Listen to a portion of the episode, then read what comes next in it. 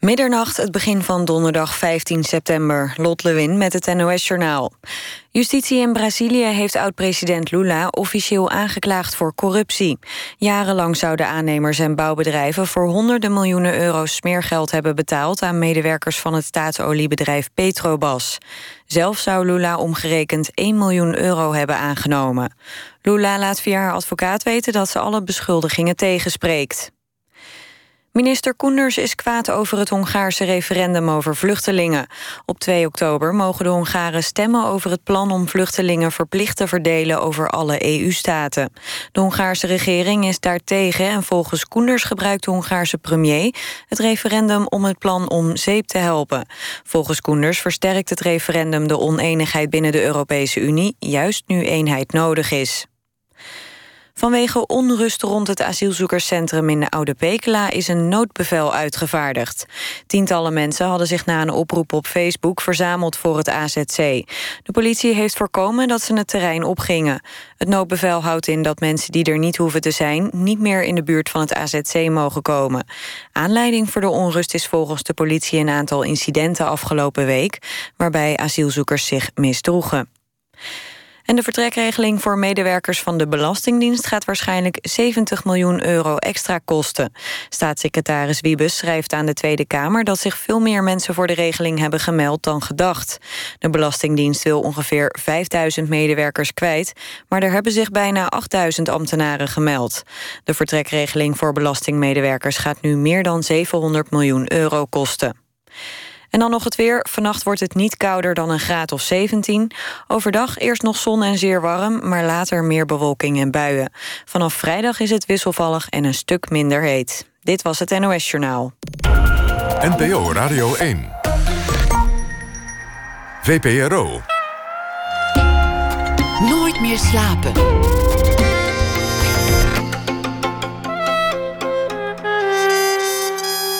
Met Pieter van der Wielen. Goedenacht en welkom bij Nooit meer slapen. Kunnen dieren praten en wat hebben ze dan te zeggen? Vragen die Eva Meijer bezighouden als wetenschapper en filosoof. En het staat ook uh, centraal in een nieuwe roman, Het Vogelhuis. Die gaat over de Britse wetenschapper Len Howard. Thomas Verbocht schrijft eh, deze week elke nacht een verhaal bij de voorbije dag. En vandaag heeft hij een verhaal bij woensdag 14 september. De warmste 14 september die ons land ooit meemaakte. Althans, sinds de statistieken worden bijgehouden. We beginnen met uh, Mirjam Rotenstrijg. De Stalkster is de titel van haar nieuwe roman. Hoofdpersonage is een vrouw die niet van opgeven houdt. Ook niet als haar minnaar sterft. Ze blijft hem achtervolgen, zelfs in de dood. Een spannend boek, een, eh, een boek over misdaad, dood liefde en ineens ook iets dat heel erg in het nieuws was: orgaantransplantatie. Binnenkort is ook uh, de film Tonio in de bioscoop te zien van Paula van der Oest. Met een glansrol daarin voor Pierre Bokma en Rivka Lodijzen. Het wordt de Nederlandse selectie voor de Oscars trouwens. Tonio is de verfilming van het boek, het monument dat AFTH van der Heijden oprichtte voor zijn zoon Tonio. Zoon ook van Mirjam Rotenstrijg. Mirjam Rotenstrijg, geboren in 1959, schreef eerder Verloren Mensen en Salieri-straat nummer 100. Hartelijk welkom.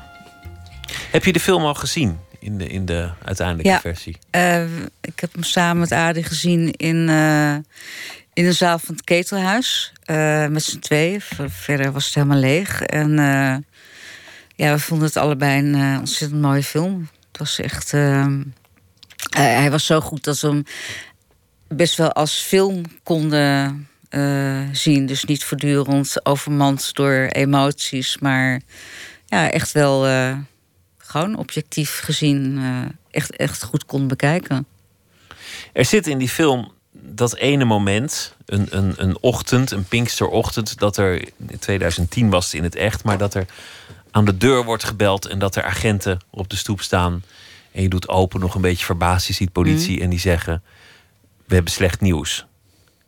Dat is een moment dat, dat, dat jou je hele leven zal bijblijven. Hoe is het om, om dat te zien? Uh, op, een, op, een, eh, groot doek.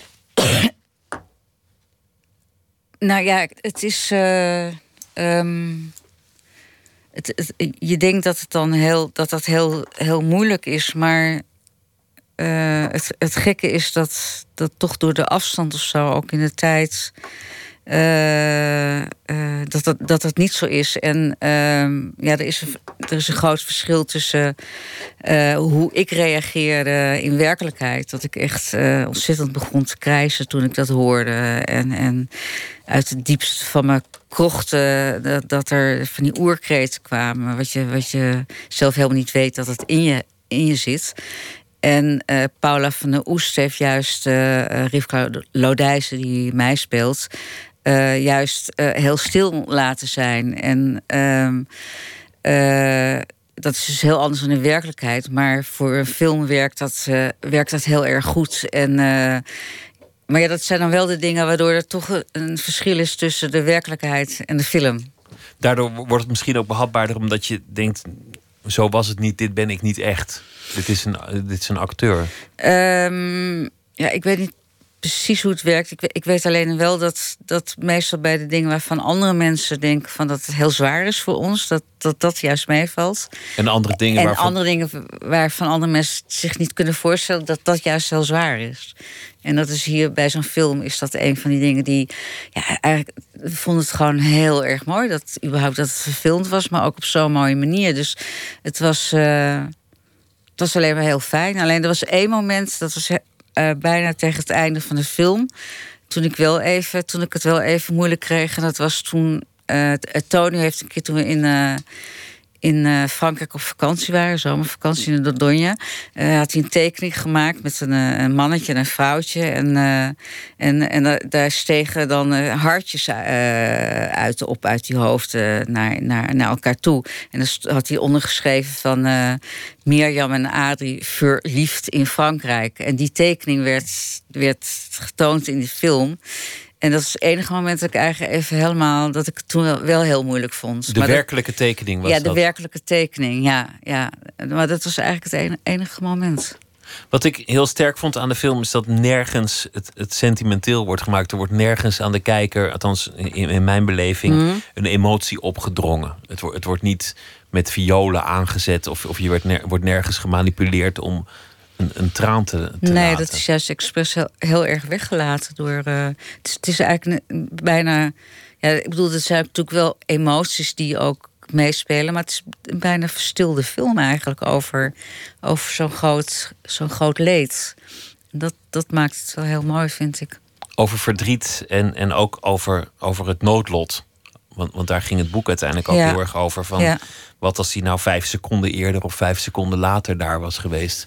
Dan was het heel anders gelopen. Ja, ja, het was sowieso ja, het noodlot natuurlijk, omdat alleen Tony op die fiets en die ene auto er waren. En inderdaad, dat de tijd de speelt. En dat heeft Paul van Oest ook in de film heel goed eh, vormgegeven. Door Pierre Bokma, die, die dan de route gaat fietsen die zijn zoon heeft gefietst. En geprobeerd om hem inderdaad eh, eh, langzamer te laten fietsen, zodat hij hè, niet zou verongelukken. Om van het lot een paar seconden te bedelen. Ja. Ik heb maar vijf seconden nodig en dan Precies. kan en dan, hij leven. Ja, Eigenlijk is het interessanter wat, wat er gebeurt met het verloop van de tijd. Die, die eerste traumatische dagen, dat je net dat nieuws hebt gehad, die eerste uren. dan is het allemaal heel, heel groot en, en, en aangrijpend. Maar ik ben ook zo nieuwsgierig naar, naar hoe, dat, hoe dat verder gaat. Ehm, Je, je zei nu ook het verstrijken van de tijd. Ja, het, het, nou ja, de eerste twee jaar heb ik echt in een anderhalf jaar, twee jaar in een, in een totale shock verkeerd. Echt gewoon, ja, alleen maar in een shocktoestand. En Adi was toen al bezig meteen eh, met het boek en daar spraken we dan s'avonds over. Maar ja, dat, dat, dat, was praten en, en vooral huilen. En overdag, ja, ik deed wel boodschappen of zo, maar dat was echt, eh, ja, dat, gewoon mijn lichaam deed gewoon pijn. Mijn huid, alles, alles deed pijn. Permanent. En permanent. En eh, ja, ik, ik, ik heb ook heel weinig herinneringen aan die tijd. Behalve dat ik me dus echt heel erg vreselijk voelde. En dat, ja, dat, dat, dat slijt met, met de tijd. Dat, dat, die, die, die, die vreselijke pijn en, en, en ongeloof. Gewoon, ja, het is, het is echt afschuwelijk. Alleen soms, als je. hè, Dat wordt minder. Maar op het moment dat ik wel weer even uh, terugga in, die, hè, in, in, in, de, in de situatie van hij is er niet meer. En dan, ja, dan, dan is dat er wel weer heel erg. Maar je, je moet gewoon om, om verder te kunnen leven. Uh, uh, moet je het op de een of andere manier moet je, moet je het uh, afsluiten. Moet je er een, een, een, muur omheen zetten. En dat dan het liefst heel gereguleerd zelf af en toe even een deurtje open. Zodat je weer ja, aan de ene kant heel veel pijn voelt. Maar daardoor op de enige manier heel ja, zo dicht mogelijk weer bij je kind bent. Maar het grootste deel van de tijd moet die deur gewoon echt, uh, echt dicht blijven. Anders kan je gewoon, ja, dan, dan kan je helemaal niet verder leven. Het is, echt, het is gewoon, op het moment dat, dat het weer even tot je doordringt, dan heb je echt, ja, dan wil je gewoon helemaal niet verder leven. Dus dat, dat is eigenlijk een constante. Maar dat klinkt heel gespleten. Het klinkt bijna alsof, alsof er twee levens zijn. Ja, maar dat is ook zo. Het zijn twee parallellevens. Dus leven uh, zonder Tonio met, met nou ja, een, een, een gewoon een 24 uur, uh, iedere dag en nacht, die, die, die pijn en het gemis en, en, en, en alles. En, uh, maar om, om, om daar niet in, in weg te zakken, moet je dus een tweede leven creëren. Echt, echt creëren. Je moet echt een nieuw leven gewoon uh, opbouwen. Het is, Hoe ziet dat er heel praktisch uit? Dat, dat nieuwe leven? Hoe dwing je jezelf dan om om, om als een parallelle zelf op de, op de been te gaan? Uh, nou ja, niet, niet alles gaat heel bewust. Ik ben eh, ongeveer anderhalf of twee jaar na de, na de dood van Tonia... toen ben ik, heb ik weer het schrijven opgepakt. En uh, ik, ik kan me ook niet meer herinneren wat nou het moment was of hoe. En toen ben ik weer gaan schrijven, maar dat heb ik ook op een hele manische manier gedaan. Door s ochtends om vijf uur op te staan. En dan van vijf tot negen aan het, aan het werk te gaan. Uh, en dan met het idee van ja, dan, dan heb ik de rest van de dag nog. En de rest van de dag deed ik dus helemaal niks. Maar ik kon blijkbaar alleen, alleen werken als de, als de hele wereld uh, er, nog niet was of zo. En, en, uh, en na die uur, tot, vanaf negen uur, dan was ik ook helemaal weer op en kapot. En, en, dat, en op die manier heb ik toen mijn boek uh, uh, Verloren Mensen afgemaakt.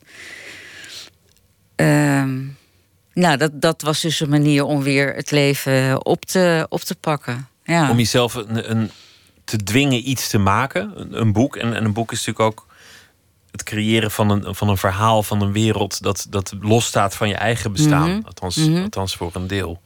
Ja, en om, kijk, als je uh, dat ongeluk met Tonio, daar, daar had ik geen zeggenschap over. Dat is gewoon, dat is hem en ons overkomen. Maar uh, als, als je een boek schrijft, een roman schrijft of verhalen schrijft, dan is dat, dan gaat het zoals jij het wil. En ook als, je al, ook als het een dag niet goed lukt, dan is het gewoon doordat het, doordat het jou niet lukt, maar niet doordat een ander daar uh, zeggenschap over heeft. En dat, uh, dat was heel belangrijk om toch iets te hebben van, nou, van ja, maar hier heb ik het voor het zeggen.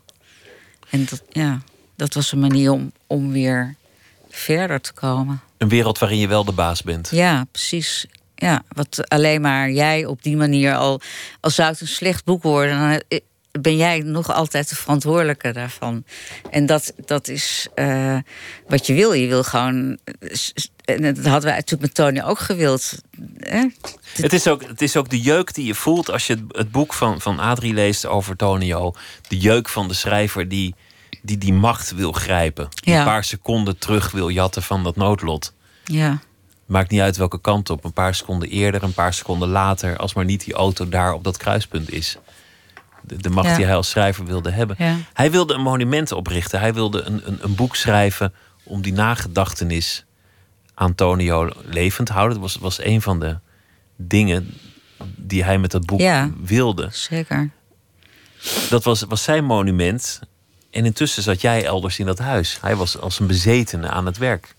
Uh, zo, zo, wordt het althans in de film. Ja, ja nee, dat, dat, dat, dat, dat is ook zo. Dat, uh, uh, hij was er overdag mee bezig. En ja, ik, ik deed dus ook. Ik, ik was alleen maar pijn, verdriet.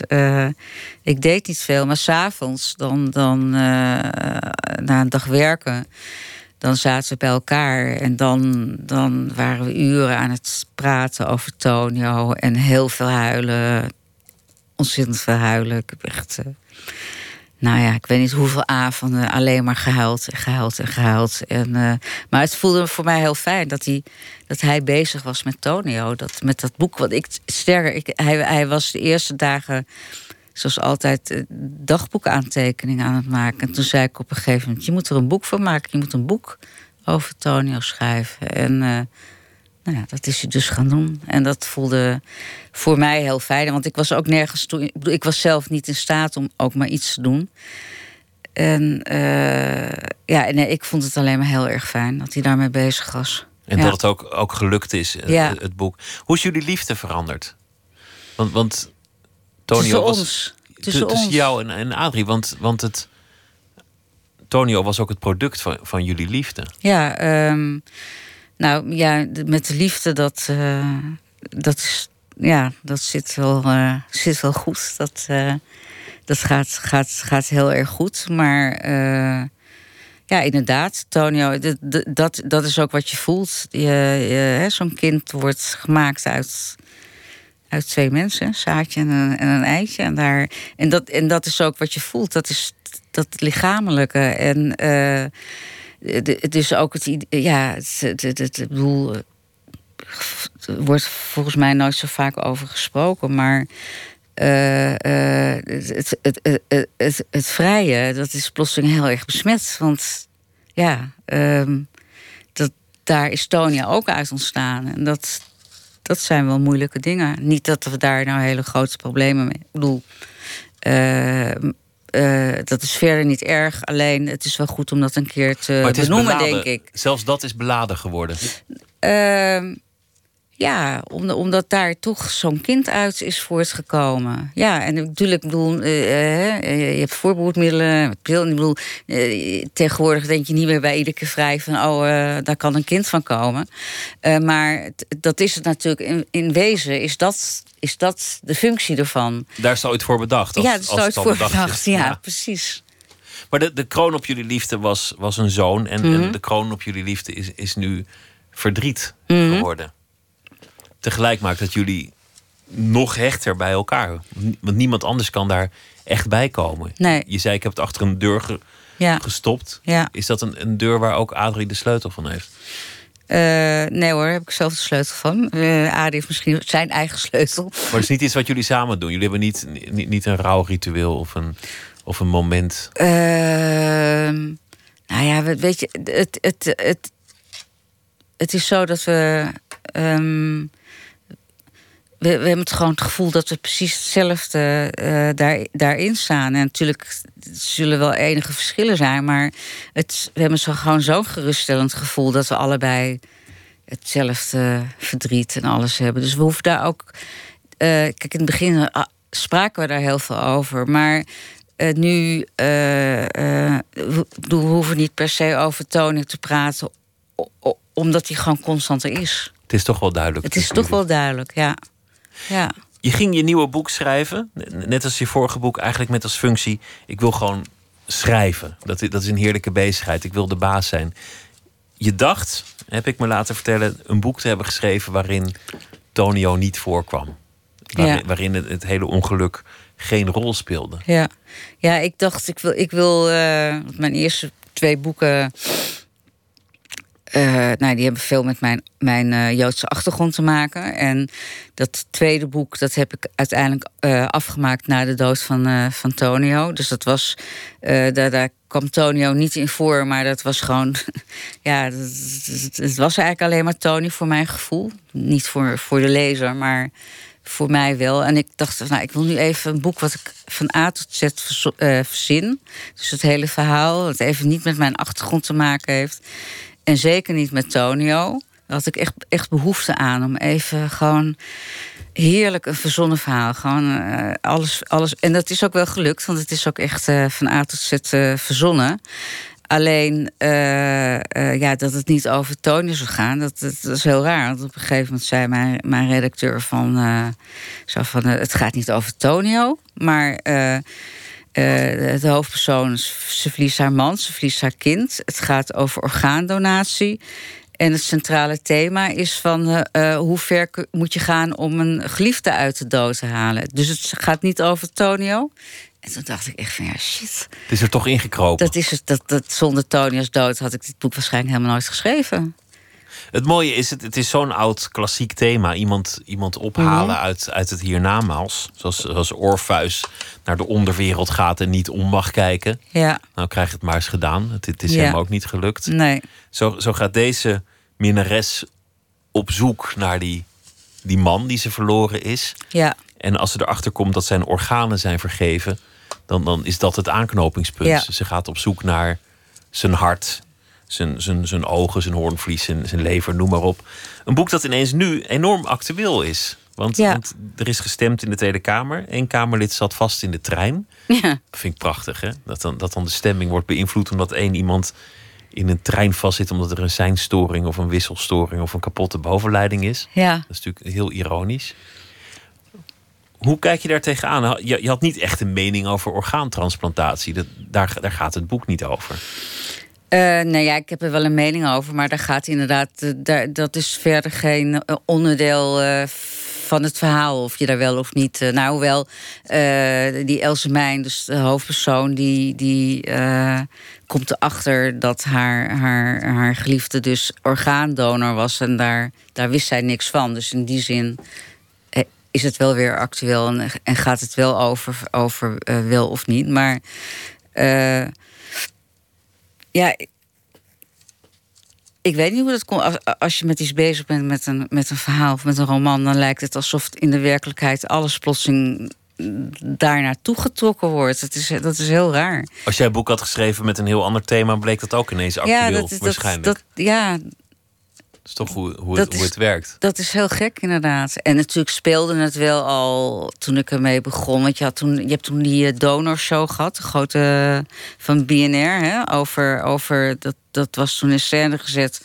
Dat, uh, van BNN, ja. Met, of uh, BNN, ja. Dat, je een, een, een, dat, dat iemand uh, een nier uh, had te vergeven. En nou ja, dat bleek uiteindelijk bleek dat een actrice te zijn die dat speelde.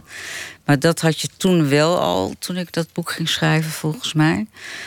Um, en ja, verder, het, het, het, verbaast mij ook. Er komt ook in, in, in mijn roman komt er een, uh, ook iemand voor met een uh, gezichtstransplantatie. Nou ja, net een paar dagen geleden is de vrouw met, die het eerst, voor het eerst een gezichtstransplantaties uh, heeft ondergaan, die is net overleden. Dan denk ik ook, ja, dat is ook heel raar, toch? Ja, alsof de duvel ermee ja, speelt. Precies. Met, met Tonio is het nooit aan de orde geweest. Jullie, jullie stonden in dat ziekenhuis en, en ja, Tony, maakte, Tony was, laatste momenten Ja, mee. Tony was van binnen helemaal kapot. Gewoon alles, alles was gewoon kapot. Dus uh, er was überhaupt geen sprake. Viel niks meer te verdelen? Nee, nee. Laten we luisteren naar um, een plaat van uh, eh, St. Paul en The Broken Bones. En het nummer heet Is It Me?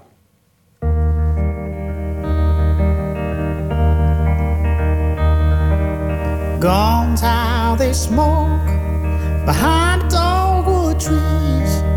All the bars are closed right before the county line.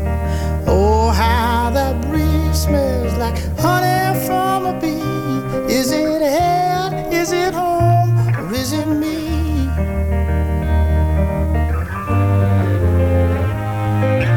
Jesus is stuck inside given all the answers, but never holding me. Heaven's too far away, and I can't find no peace. Is it hell? Is it home? Or is it me?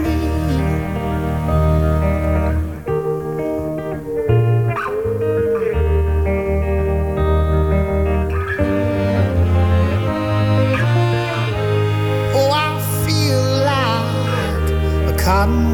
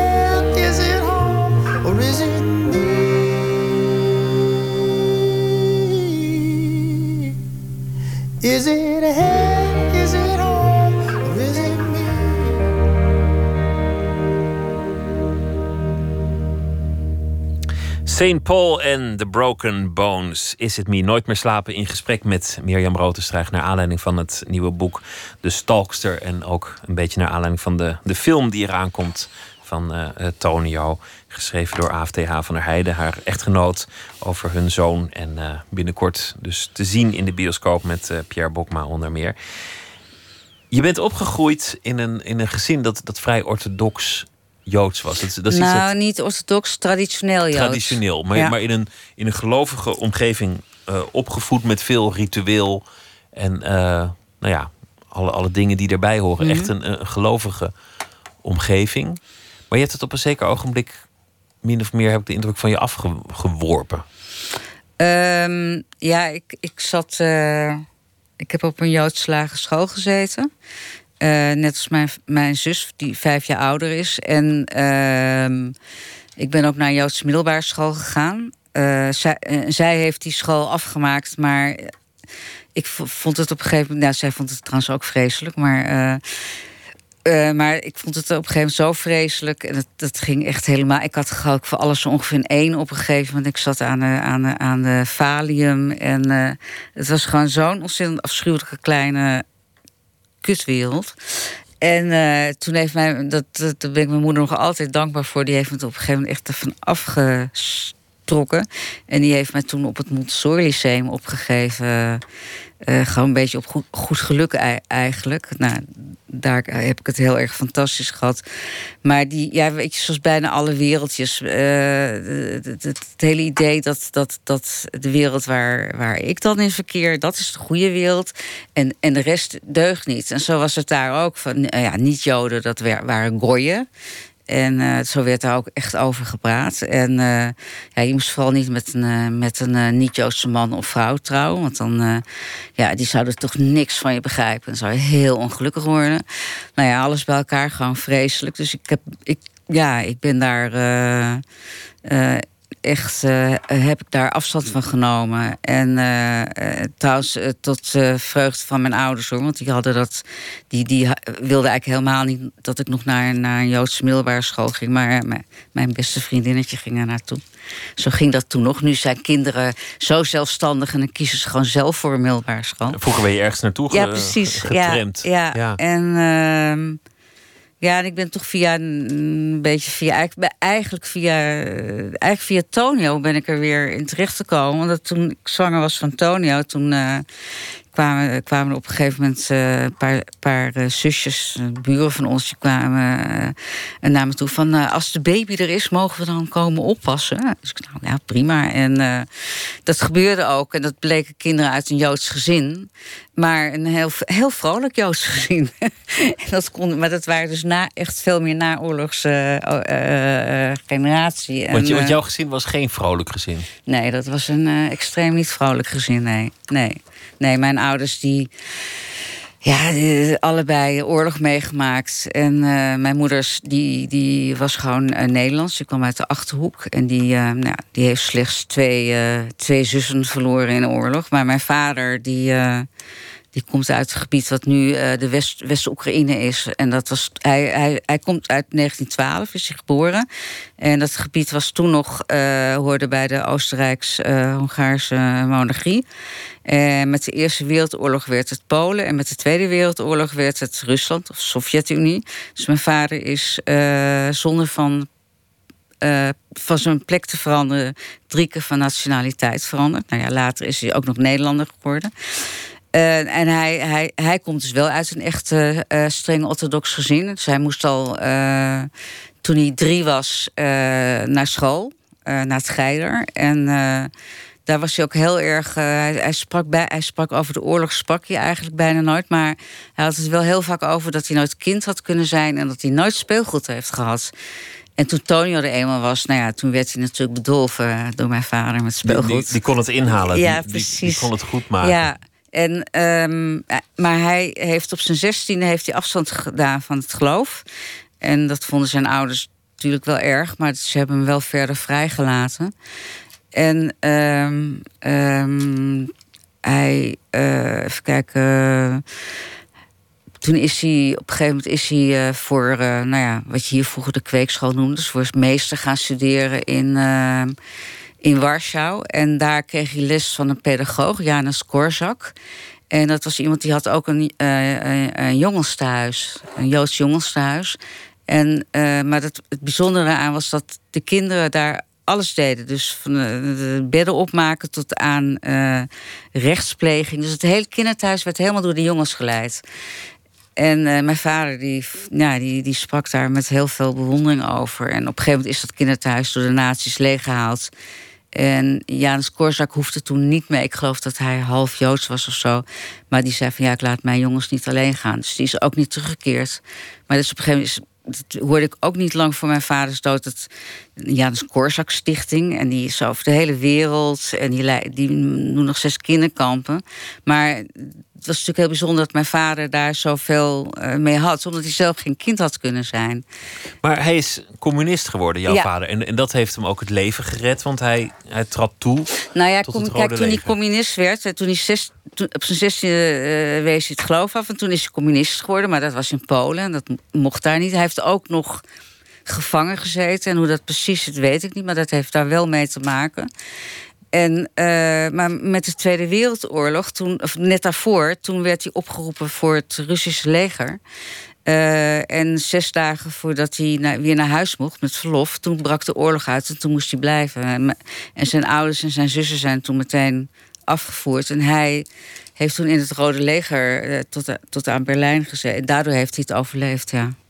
Je wil een boek over hem schrijven. Je bent bezig met de research. Heb, je eigenlijk ooit met hem hier gesprekken, gericht gesprekken over gevoerd? Heb je hem ooit kunnen interviewen? Ja, ik, ik heb twee keer gepro- geprobeerd, met een tussentijd van tien jaar, om hem te interviewen. Maar nou, het, het, het, het lukte mij niet. Ik, ik, ehm, hij, hij was gewoon. ehm, Lukt het jou niet of hem niet? nou, het lukte mij niet om te vragen, het lukte hem niet om te vertellen. En hij, hij was gewoon zo'n groot brok verdriet of zo. En vooral na de dood van Tonio, toen heb ik het nog een keer geprobeerd.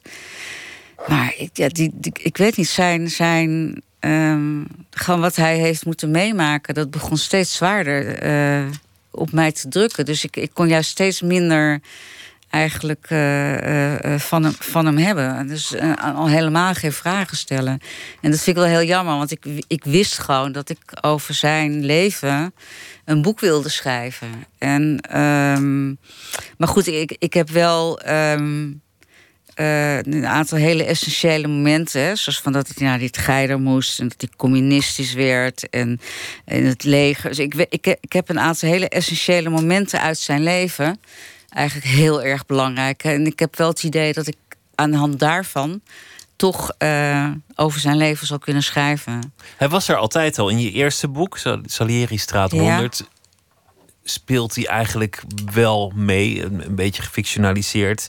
In, in Verloren Mensen komt hij eigenlijk ook Ja. langs. Het, het, het is een verhaal dat altijd wel in, in je werk... Ja, dat komt ook omdat ik een, ja, een hele goede, ondanks de, de afstand, een hele goede band had met mijn vader. En, en eh, ehm, ja, hij, hij, hij deed ook alles. Als ik naar ballet moet, dat deed hij. Als ik schaatsen, dat deed hij. Zwemles. Dus eh, ehm, ja, ik, ik, ik voelde gewoon heel veel. eh, en nog steeds heel veel, heel veel liefde voor hem. En ik, ik lijk ook wel in zekere zin op hem. Ook een beetje gesloten en zo. En eh, soms moeilijk te, te, te doorgronden. En ehm, ik, ik, ik, ik, denk ook dat het een soort eh, boek wat ik wil schrijven... ook een soort, soort ode aan hem moet worden. Aan, aan, aan hem en zijn leven en wat hij betekend heeft voor mij. En ook, ook wel voor Tonio. Hij heeft, heeft gewoon ook heel erg met, eh, ook met Tonio te maken. Die hadden ook een bijzondere band. Ja, die hadden ook een hele bijzondere band. Ja. En eh, ja, dat, dat is ook een van die erg dingen dat ik.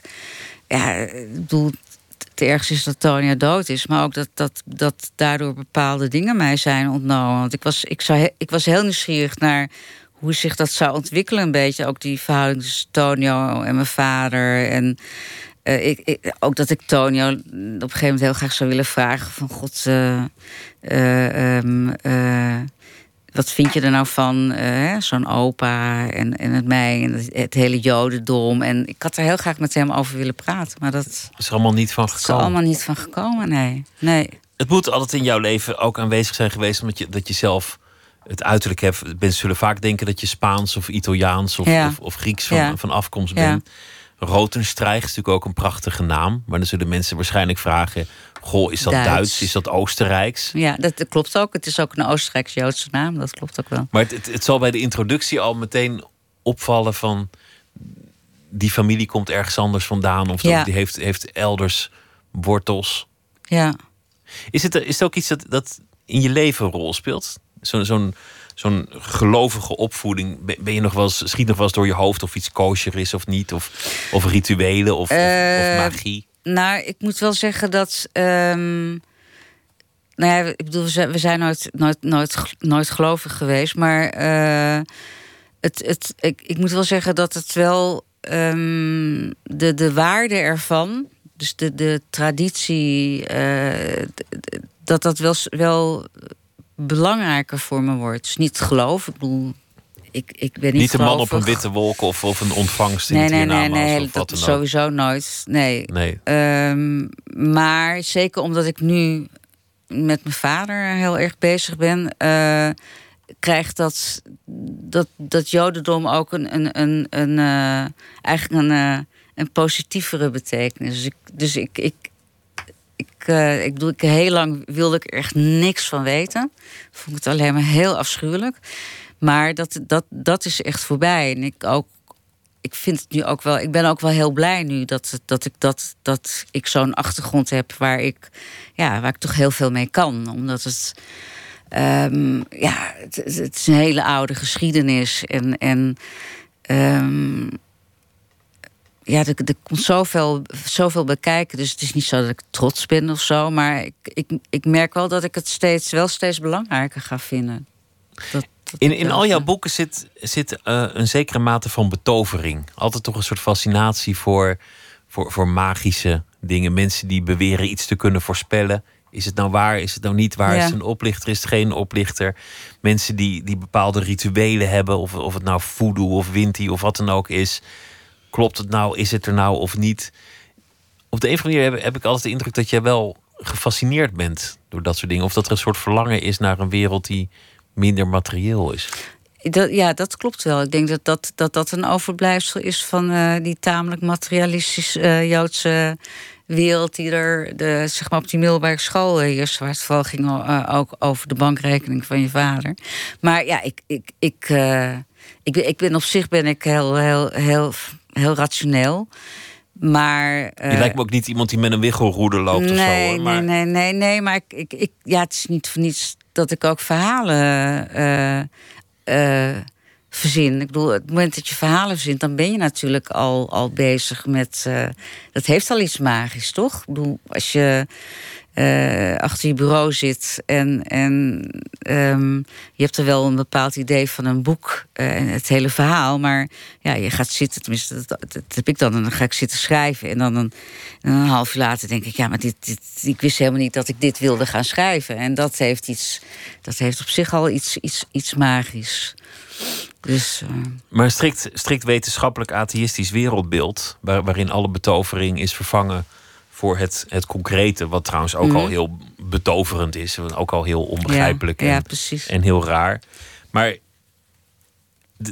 ik voel toch vaak in je boek een soort behoefte aan, aan of een soort fascinatie met, met dingen die er nog meer aan de hand zouden kunnen zijn.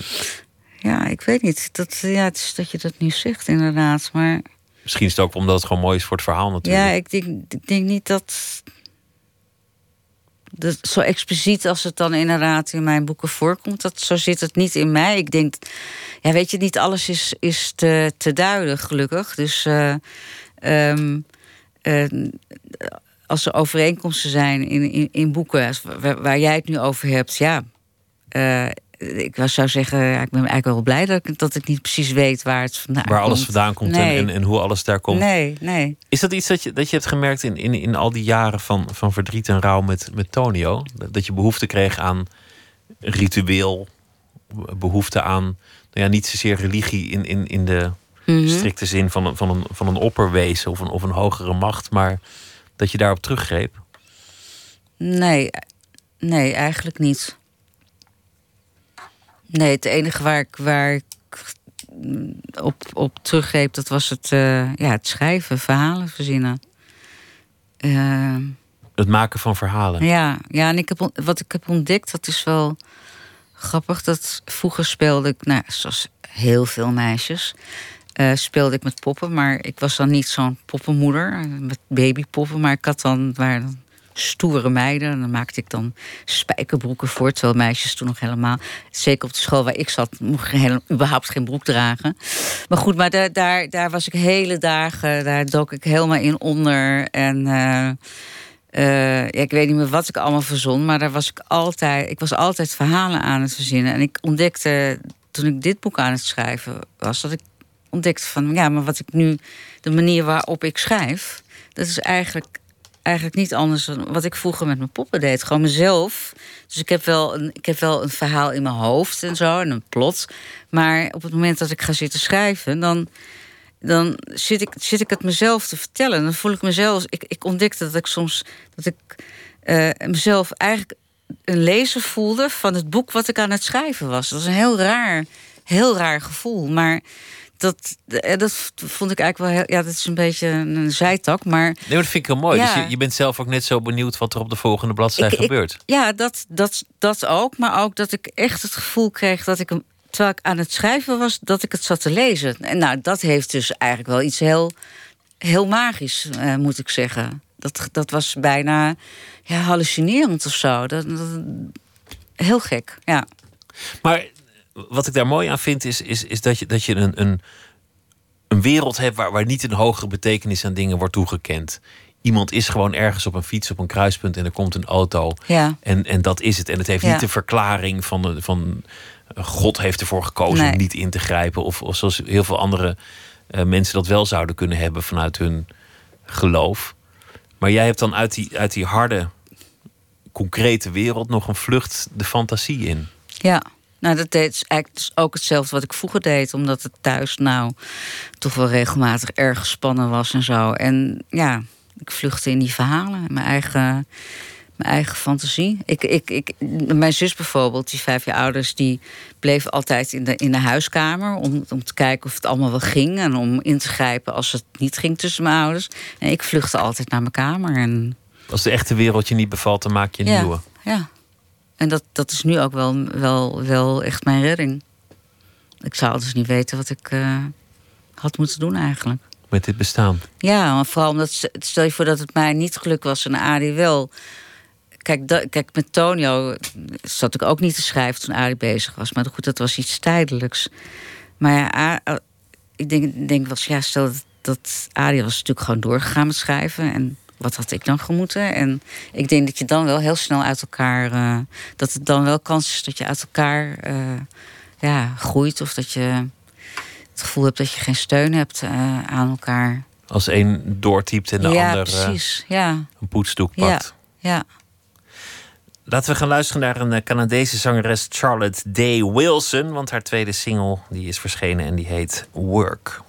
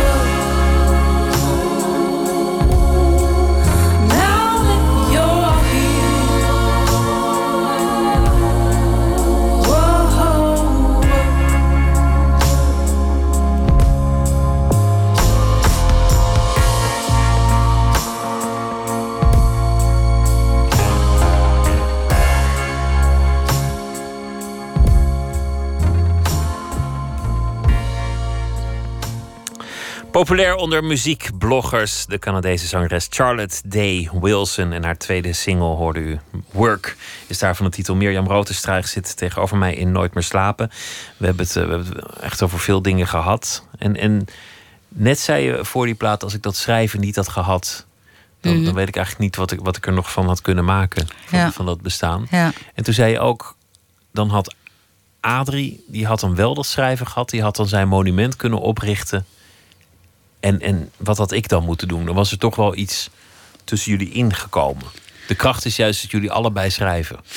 Nou, niet alleen dat we allebei schrijven, maar. eh, eh, nee, sowieso zijn we natuurlijk al he- heel lang samen. En, het, en ehm, ja, het, is, het is natuurlijk ook belangrijk op wat voor een soort moment zo'n tragedie je overkomt. Want het kan ook zijn dat het je net. eh, nou ja, als het niet zo goed. Ja, er zijn altijd momenten dat het wat minder gaat in een relatie. Als je net in een relatiecrisis zit. Ja, precies. Dan, dan wat, wat, wat zou er dan gebeurd zijn? Maar het, het, het, ging, het, ja, het ging gewoon heel goed. Het ging tussen Arie en mij heel goed. Het ging met Tonio heel erg goed. En ehm, eh, ja, dat, dat, dat, dat speelt wel mee als je gewoon inderdaad. eh, eh, ja, als je het goed, goed hebt samen. En, ehm, ja, en wat betreft het schrijven. Ja, als ik. Als Arie, zoals, zoals hij, wat hij deed, maar alleen maar nog extremer, echt zeven dagen per week eh, schrijft. Ja, als het bij mij mis- niet meer zou zijn gelukt, dat schrijven, ja, ik, ik weet het niet wat ik dan eh, had moeten doen bij Albert Heijn, achter de kast gaan zitten. Nee, geen idee, maar in ieder geval zou dat niet. eh, eh, zou dat een stuk moeilijker dan geweest zijn tussen ons. Dat weet ik wel zeker. Ja, niet omdat we elkaar dan. eh, niet omdat ik per se moet schrijven. Of om, maar, maar ja, nu, nu hebben we. eh, onze dagen zijn ook heel erg hetzelfde. Het ritme en, en dat. Opstaan, Ja. koffie drinken, naar boven gaan, typen. Precies. En dan weer s'avonds naar beneden eten. En, ja, Hoe een- was jouw dag? Hoe was mijn dag? Precies, ja. Laten jullie elkaar dan ook lezen wat de opbrengst van de dag is, of liever niet? Eh, nee, ehm Adi vertelt altijd heel veel eh, over zijn schrijven. En eh, ik heb ooit een keer, ehm, dat was een, dun boekje, dat was, een, een, was geen fictie. Een soort essay-achtig iets over ehm, de dood van Ivan Illich en de avonden van Reven. En dat heb ik Adi toen eh, eh, laten lezen. En toen heb ik het vervolgens een half jaar niet meer aangeraakt. En ehm, Want hij was zo kritisch. nou ja, ik kan heel goed tegen, he- heel goed tegen kritiek. Vraag maar aan mijn redacteur. maar nou ja, Arie is niet echt de grootste didacticus wat dat betreft. Dus dat, dat pakte niet zo goed. Dat pakte niet zo goed uit. Dus ik dacht, nou, dat moet ik in ieder geval nooit meer doen. Maar ik leg hem wel soms dingen voor, de puur technische dingen. Ik zeg van ja, ik zit hier en hier mee. En uh, hoe zou jij dat dan doen? En dan heeft hij altijd, uh, zonder dat hij weet waar in welk deel van het verhaal of wat dan ook, dan weet hij, heeft hij altijd hele goede adviezen. Dus dat is wel heel fijn. Maar ik laat hem nooit meer iets lezen van tevoren. Dat dan maar niet. En wel als het uh, boek er eenmaal is. Dus hij zit, nu wel in, hij zit nu wel in mijn boek te lezen. Ik heb bijna het gevoel dat ik je onrecht heb gedaan in, in, in dit gesprek door, door, door het met jou te praten over je leven, eigenlijk aan de hand van mannen. Aan de hand van, van Tonio, aan de hand van de echtgenoot, aan de hand van de vader. Nou ja, er zijn slechtere dingen denkbaar, toch? Is het, is het, is het iets dat speelt in jouw leven? Een, een, een, een, dat, je, dat je in de schaduw staat van, van anderen? Uh, nou, ik ben in ieder geval niet iemand die zich heel erg op de voorgrond dringt. Uh, uh, maar ik, ik voel mij niet. ik heb mij nooit in de schaduw voelen staan van Adi bijvoorbeeld. En dat kwam gewoon omdat Adi nooit daar ook maar enige reden toe gaf. Het enige is wel dat vaak de buitenwereld je een bepaalde rol. en je vader? Dat is natuurlijk ook een, ook een enorme persoonlijkheid en een, en een toch, toch een enorme verschijning, die man. Zo, zoals ik ja. het begrijp. Um, is dat iemand ook onder wiens nee. schaduw je uit hebt moeten werken? Nee, nee, nee helemaal niet? Omdat hij ook niet iemand was die uh, zich heel erg op de voorgrond uh, drong. Nee, wat dat betreft uh, lijken we wel erg op elkaar. Ja, je, hebt, je hebt wel een soort, soort bescheidenheid krijg ik de indruk. Ja, maar dat Misschien is, vergis ik me hoor. Maar... gewoon, nou ja, ik, ik, ik vind dat geen slechte eigenschap. Nee, dat eh, zeg ik ook niet. Um, ik vind dat er veel, veel mensen zijn die uh, zo ontzettend narcistisch en zichzelf zo ontzettend belangrijk vinden. Nee, dat, uh, ik, ik wil me graag nog. nou, ik wil graag nog een aantal boeken schrijven en me proberen op die manier te bewijzen. En om te laten zien wat ik kan. Maar um, ik, ik vind het is ook geen reden om. Ja, hoe zou ik dan moeten zeggen? Ja, nee, ik weet niet. Het is gewoon zoals het is. En, ja. en, en je, je, bent wie je bent. Maar je lijkt niet een enorme drang hebben, te hebben om, om jezelf in de kijker te spelen. Nee, dat is ook niet zo. Het lijkt nee. niet alsof het je daarom gaat. Nee, ik wil wel uh, zoals nu het boek wat ik heb geschreven, daarvan wil ik wel heel graag natuurlijk dat zoveel mogelijk mensen dat gaan lezen en kopen. En, en daar ben ik ook wel mee bezig. Maar dat, dat komt trouwens ook omdat ik het gewoon heel leuk vind, sowieso om aan publiciteit te doen. Dus ik, uh, is mijn goede publiciteitsdame bij een uitgeverij verloren gegaan. Nee, maar um, ik, ik, ik, ben niet, ik heb geen minderwaardigheidscomplex of zo. Het is niet zo dat ik denk van ik kan niks of zo. Nee, ik, ik weet dat. Nee, maar wat ik, wat ik eigenlijk meer bedoel, is, is dat je zei dat schrijven is voor mij een, een manier om mij terug te trekken. Mm Het is een manier om even weg te zijn ja. van de rest. En dan, dan heb ik in die wereld het voor het zeggen Ja. en dan kan ik schrijven. Wat, wat heel tegenovergesteld is aan het motief van velen om te schrijven. Namelijk dat ze, dat ze een soort hunkering hebben naar, naar Ja. het grote licht. Ja. Een hunkering naar, naar schijnwerpers. Ja, nee, dat is het bij mij. Dan zou ik het ook. Nee, maar. Ja, het, is- ook best wel moeilijk een boek schrijven. Je moet gewoon heel veel tijd erin stoppen. En eh, volgens mij zijn er wel makkelijkere manieren om in de schijnwerpers te staan. Maar dat weet ik niet. Maar in ieder geval, nee, het is niet om. om eh, eh, ik, ik vind het gewoon heel fijn om, om, om een verhaal te verzinnen. Om, om daarmee bezig het, dat, dat is eigenlijk, daar gaat het eigenlijk om. En op het moment dat het boek af is, het is eigenlijk ook heel ondankbaar. Want mijn boek is nu af en ik wil graag dat het hè, de wereld doorgaat. Maar ondertussen sta ik echt zo te poop van... ik wil eigenlijk alleen maar verder gaan met dat boek over mijn vader. Dat is het enige wat ik nu wil. Dus het, het is, weet je, je, je werkt er naartoe dat het af is en dat het uitkomt. En dan is het zover. En dan Ben je alweer verder? Dan heb je dan je eigen ja, recht. En want kijk dat je niet voor om. jezelf heb je het. Kijk, voor de anderen begint het dan pas voor de buitenwereld. Maar ja, ik ben klaar daarmee. En, en het, heeft, iets- het heeft iets ondankbaars eh, om een boek af te hebben. Maar ehm, het is ook weer goed om, eh, om, om verder te willen. Want anders, ja, je kan ook tevreden zijn met dat ene boek. En dan gebeurt er dus niks meer.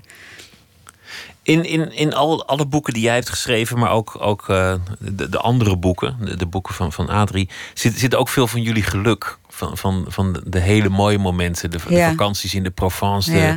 de, de, de smoorverliefdheid, ja. de, het kopen van een, van een huis en samen kijken naar een nieuwe plek, de feestjes, de drink, drankgelagene, noem maar op. Al, al die mooie tijden.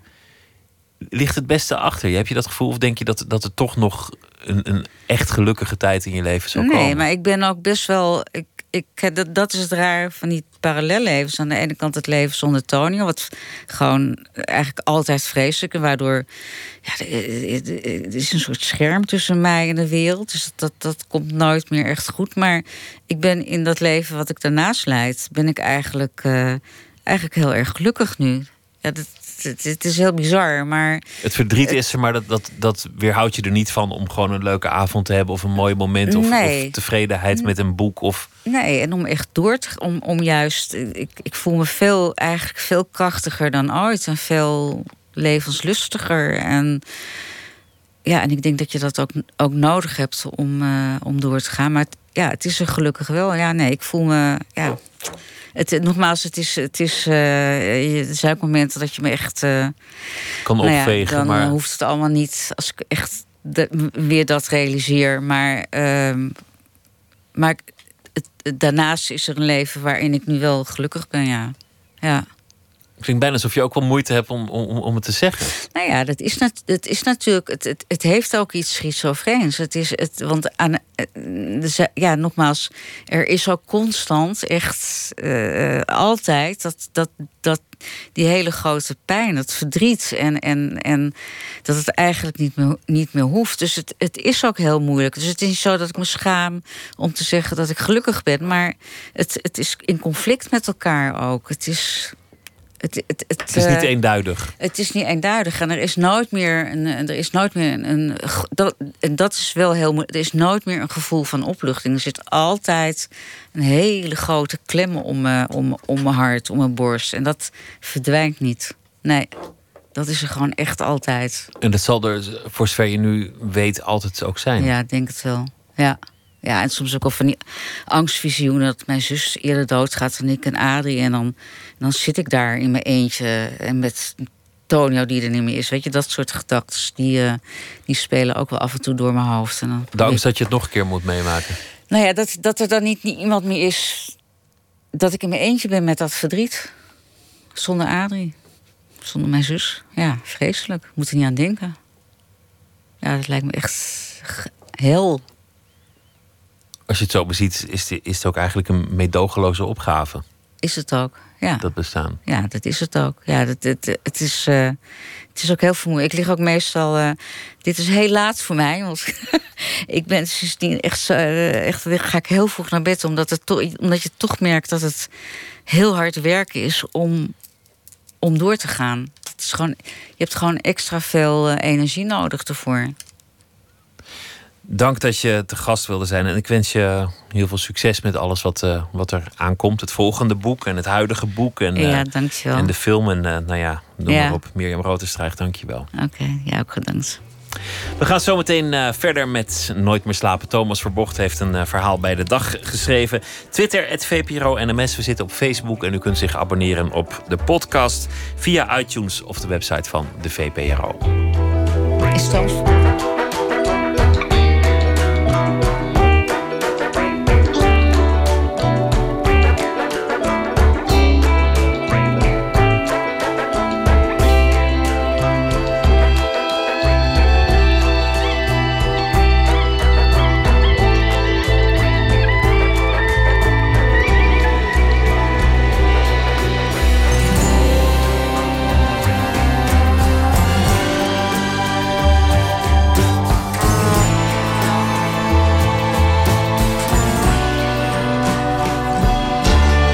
Radio 1. Het nieuws van alle kanten.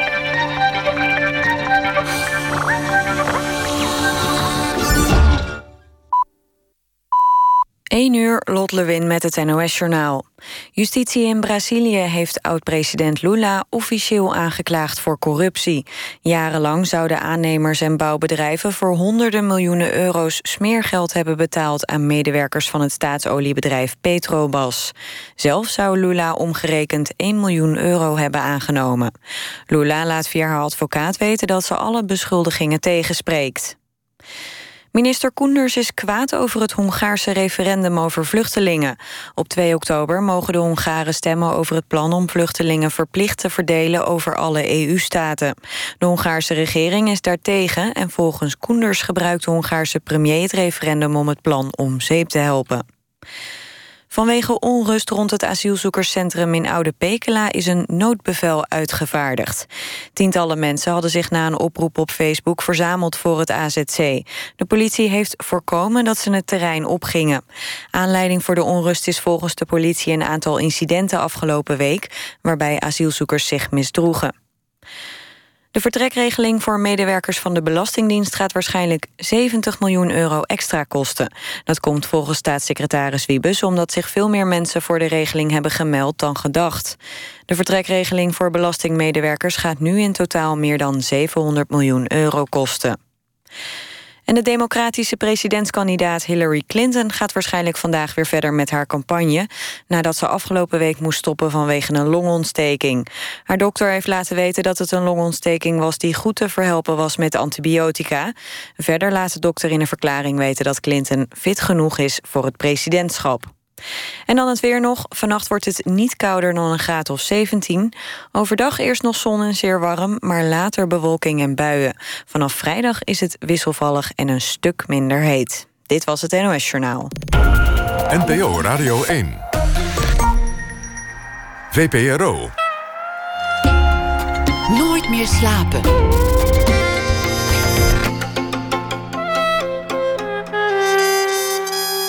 Met Pieter van der Wielen. Straks aandacht voor de schone kunst van het kijken en hoe het eigen persoonlijke leven je kan helpen om kunst beter te begrijpen. Een gesprek met kunstcriticus Merle Bem naar aanleiding van een boek met als titel Doorkijken. Verder eh, komt Eva Meijer op bezoek, schrijver, filosoof, beeldend kunstenaar. En zij uh, vertelt over haar nieuwe boek. Dat gaat onder meer over vogels en de vraag of dieren taal hebben. Thomas Verbocht is schrijver en zal deze week elke nacht een verhaal maken bij de voorbije dag. Thomas, goeienacht. Goeienacht Pieter, hallo. De warmste, de warmste 14 september ooit. Hè? Ja, wat was het warm hè? Uh, nee, nou ja, ik heb er geen last van hoor. Ik, bedoel, ik, ik ook niet. Ik, ben helemaal, het zat heel veel over die warmte zeuren. Geen probleem. Nee, geen enkel probleem. En de volgende keer dan is het al, oh, wat is het koud hè? Wat is het de ja, koudste, precies, altijd gezeur over dat weer. De koudste 3 januari. Er is altijd, ja, er is altijd weer. Hè? Ja, er is altijd weer. Nou, daar, Ja. daar zijn we. Wat heeft je vandaag geïnspireerd? Ik zal het eh, vertellen. Vandaag verscheen de stripversie van Turks Fruit van Jan Wolkers. Ik las een interview met de tekenaar ervan, Dick Matenaar, die zelf, geloof ik, niet zo tevreden is met het resultaat. In dat interview kwam ik een zinnetje tegen waarbij ik me melancholiek voelde knikken. Aan het begin zegt Dick Matenaar, ik heb heimwee naar Jan Wolkers. Ja, dacht ik, dat heb ik ook. Bij een verhuizing drie jaar geleden moest ik veel boeken wegdoen, een paar duizend. Aan het begin van die selectie had ik het moeilijk, maar toen ik een tijdje bezig was, bezorgde het me een gevoel van opluchting. Ik deed veel boeken weg die ik al jaren en jaren in mijn kast had zien staan, zonder dat ik een ervan eruit pakte om er weer eens doorheen te bladeren. Soms voelde ik mezelf schuldig. De boeken van Jan Wolkers deed ik niet weg, want ik las er zo nu en dan nog in. En ik weet ook precies waarom. Dan had ik zin, dat is het woord, zin. Dan had ik zin, en dat heb ik nog steeds, in de gulheid van Jan Wolkers. Er zijn mensen die mensen genoemd worden die het kunnen weten, die een hoop op Wolkers hebben aan te merken. Maar ik heb nooit, daar heb ik nooit veel mee te maken willen hebben. Ik ben op 9 december jarig en de, in de decembermaand was lange tijd de maand van de nieuwe Wolkers. Die kreeg ik op pakjesavond, of voor mijn verjaardag. En nog die nacht las ik het boek. En als ik het in het eerste ochtendlicht dichtsloeg... was het alsof mijn leven voller was geworden. Het zijn momenten waaraan ik graag terug, terug, terugdenk. En als ik nu een van Wolkers boeken pak en er even in lees... zijn die momenten er weer. Wat natuurlijk ook komt doordat vroeger altijd dichtbij is. Of Turks fruit in december verscheen, weet ik niet meer. Het was wel meteen na verschijnen in huis. Het was 1969, het jaar dat ik 17 werd, een jaar bij uitstek om Turks fruit te lezen. Het tilde me enorm op en liet me diep ontroerd achter. De film zag ik vier jaar later, een maand nadat die was uitgekomen. Een zonnige avond in maart 1973. Het was bijna lente. We zagen de film met een grote groep vrienden en vriendinnen. Iedereen was 21 of bijna 21. Het was in Nijmegen. Ons leven werd daarna anders. Ik weet het zeker. Over hoe je Wolkers kunt missen. En je bent ook een stripliefhebber, weet ik toevallig. Ja, maar, dat, maar, maar in beperkte mate hoor. Dus het, is- het is eh, vooral kuifje eigenlijk. Nee, niet, niet eigenlijk. Vooral kuifje. Gewoon kuifje. Ja, en, en ik heb nog steeds, maar dat heb ik al sinds eh, 1958, een abonnement op de Donald Duck. En eh, dat, dat wil ik maar, daar wil ik maar niet mee ophouden. De- En, en dat, dat, eh, dus dat zijn, de, dat zijn de, twee strips die ik lees. Ja, en, ja en, en, en Bommel, maar dat kun je moeilijk een, een, een, strip noemen. Dat, dat is, ja, zijn wel tekeningen, maar dan moet de tekst het vooral allemaal doen. Want tegenwoordig is, is dat, nou ja, het is al een hele tijd aan de gang. Heb je van die hele mooie literaire, artistieke strips. Waar, waar, waar Dick Maarten ook prachtige dingen in maakt. ja, maar dat, dat is prachtig. Maar dat, dat, dat vind ik ingewikkeld, want dat verstoort heel erg mijn omgang met het boek dat ik gelezen heb. Dus dat, dat, eh, dan, dat net zoals de meeste, boekverfilmen ga ik ook niet kijken hoor. Eh, Tonio zal ik wel gaan kijken overigens, want ik ben heel erg benieuwd. Maar, eh, maar, maar want ik wil gewoon dat het boek van mij blijft. En, en, eh, en, ik, en ik, ik begreep dat zo'n strip van Dick Maarten daar heel nauwkeurig eh, bladzijde voor bladzijde het boek volgt. En dat, dat, dat, dat, ik heb daar bewondering voor, maar ik heb er verder niks mee. Nee, en ik vind zelf bij strip de, de meest klassieke vorm. Waarbij je dus een stripheld zonder eigenschappen hebt, zoals Ja. Kuifje. Kuifje Ja. is gewoon, gewoon goed. Maar verder weten we eigenlijk helemaal niks over de beste man. Dat, dat vind ik toch de oerstrip. Ik ook. Want wij, wij, kunnen gewoon van Kuifje maken wie we willen. Hè? En, en, en, en, en, en een deel van onszelf instoppen. Dat, dat ben ik helemaal met je eens. Ja. Nou, dank voor je verhaal bij, het, eh, eh, bij de, de warme september en het missen van Jan Wolkers. Ook op dit soort dagen. En Thomas, morgenavond is het al een beetje herfst, hè, Pieter. ik hoop het. Dat vind ik Ja, ook leuk. Ik ook. Nou ja, dit was ook een mooie dag. Thomas Verboog, dankjewel. Goeienacht. Oké, dag. Uit New York een eh, groep Francis and the Lights. En voor een nieuwe nummer charterden ze bevriende sterren Bon Iver en Kanye West. En het nummer heet dan ook Friends.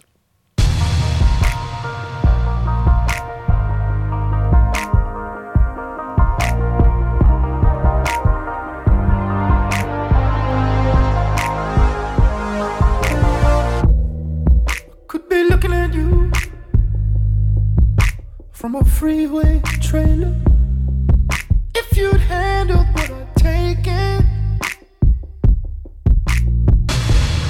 separate loads, separate calls, no fine line. Don't have to be a dead rat, 'cause dead rat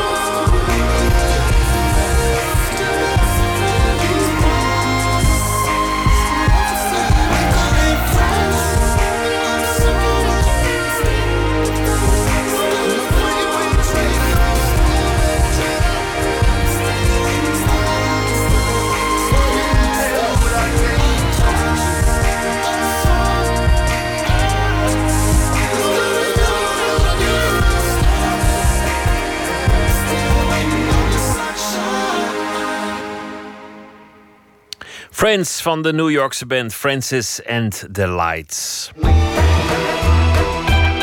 Nooit meer slapen. Kunstcriticus Merel Bem is eh, zo'n beetje dagelijks in het museum te vinden. Ze schrijft namelijk voor de Volkskrant over beeldende kunst en fotografie. Toch heeft het lang geduurd voor ze een keer echt werd geraakt door een werk. Dat gebeurde pas toen ze het kon verbinden aan persoonlijke herinneringen. In haar boek Doorkijken schrijft Bem over al die keren dat haar persoonlijk leven haar heeft geholpen om kunst te waarderen en andersom. Hoe kunst heeft geholpen om het leven behapbaar te maken. Klinkt misschien allemaal een beetje zweverig, maar het valt heus mee. Het gebeurt ook gewoon op de markt bijvoorbeeld. En het is dan ook daar dat verslaggever Tjitke Musche de schrijfster ontmoette bij de notenkraam.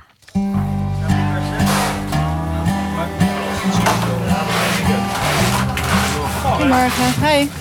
Ehm 500 gram gemengd ongezouten, alsjeblieft. En 300 gram macadamia is ook ongezouten.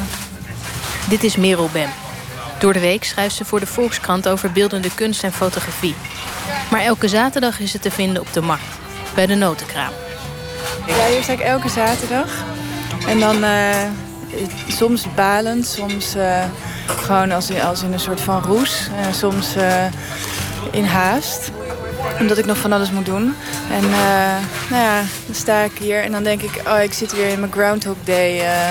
Zeg maar die film, met, eh, die gaat over een weerman, Phil. En die, die, die beleeft elke dag dezelfde dag.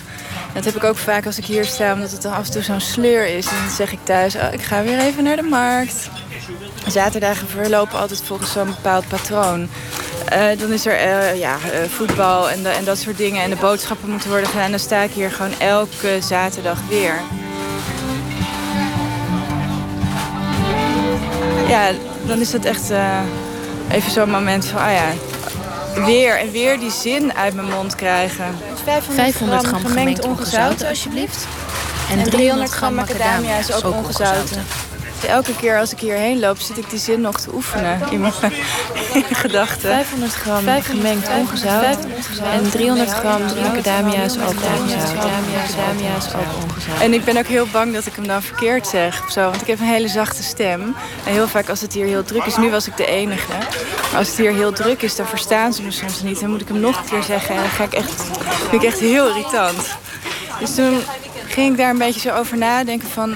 Ja, het is elke keer zo'n soort van punt in de week... waardoor het lijkt alsof, alsof het elke keer hetzelfde is. Elke, elke week. Maar tegelijkertijd is het ook een soort rust in de week. En ehm, toen op een gegeven moment, ik weet niet meer precies... nou ja, ik zal, ik zal ongeveer deze gedachte hebben gehad. Toen dacht ik dus aan die datumschilderijen van Onkawara. Onkawara was een conceptueel kunstenaar uit Japan. Vaak gaat zijn werk over tijd. Zo maakte hij bijvoorbeeld een serie schilderijen waarop alleen een datum stond. En een werk dat eerst 1 miljoen jaar terugtelt vanaf 1969 en vanaf 1993 1 miljoen jaar vooruit. Twee dikke boeken maakte hij daarvan, Past en Future. Er hoort ook een performance bij, waarbij museumbezoekers al die data voorlezen. Een aantal jaar geleden was deze installatie te zien in het Stedelijk in Amsterdam. Toen dacht ik nog, zal ik daarheen gaan? Maar dat durfde ik niet. Ik was echt heel. Ik vind het heel moeilijk om gewoon data op te lezen van, eh, zeker als het grote jaartallen zijn. Van ik was echt heel bang dat ik het fout zou doen. En eh, ehm, ja, dat ik die hele performance eh, zou verpesten. En toen dacht ik, joh, Eigenlijk sta ik dat elke zaterdag zelf te doen bij die notenkraam. 500 gram gemengd ongezouten, alsjeblieft. En 300 gram macadamia is ook ongezouten.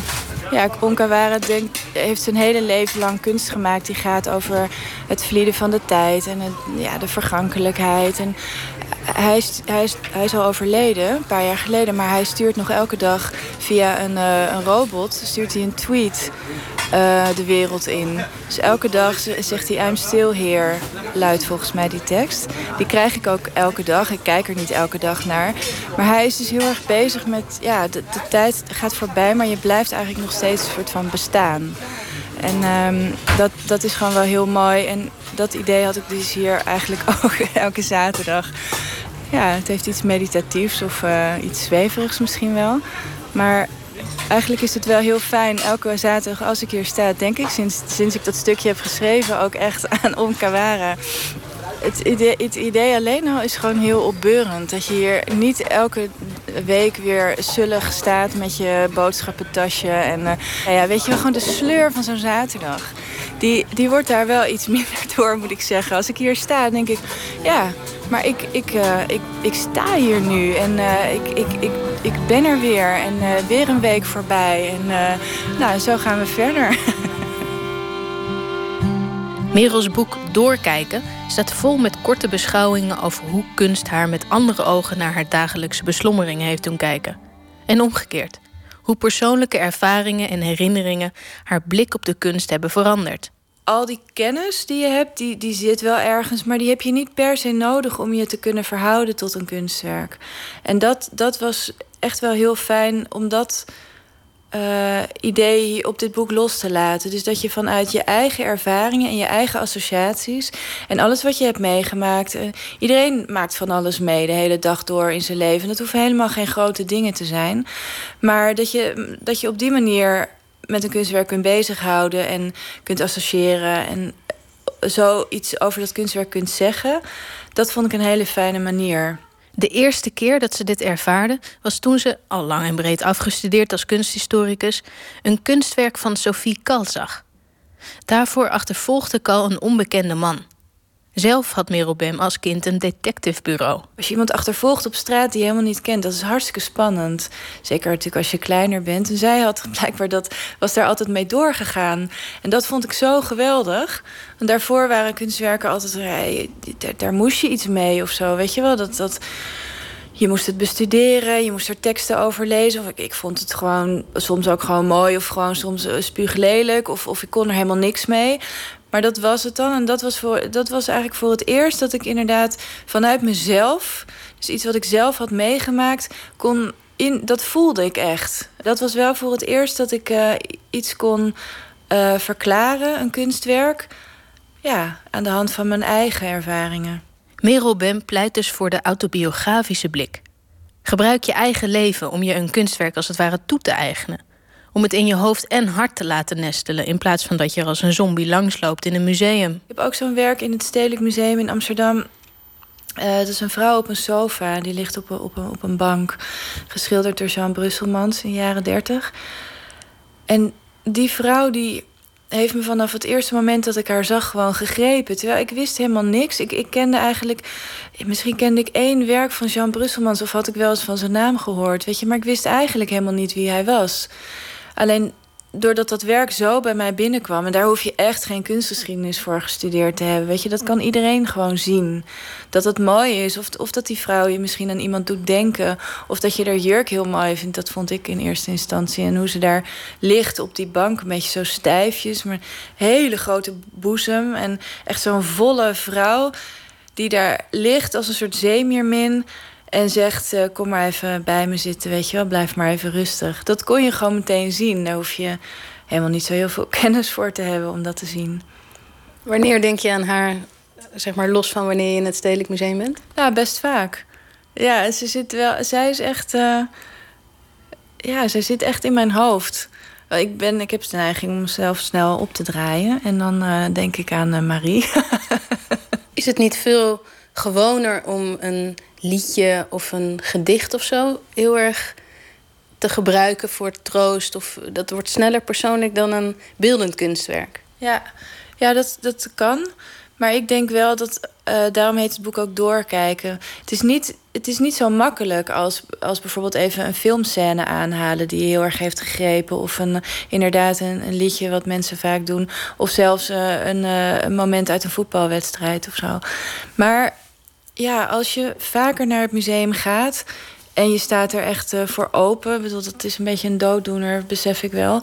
Um, maar je kijkt door, dan, dan zie je heus wel de potentie van kunst. Dat, dan gaat het echt leven voor je. En dan, eh, als je daar heel veel concentratie, uh, met heel veel concentratie naar kijkt. En als je dus.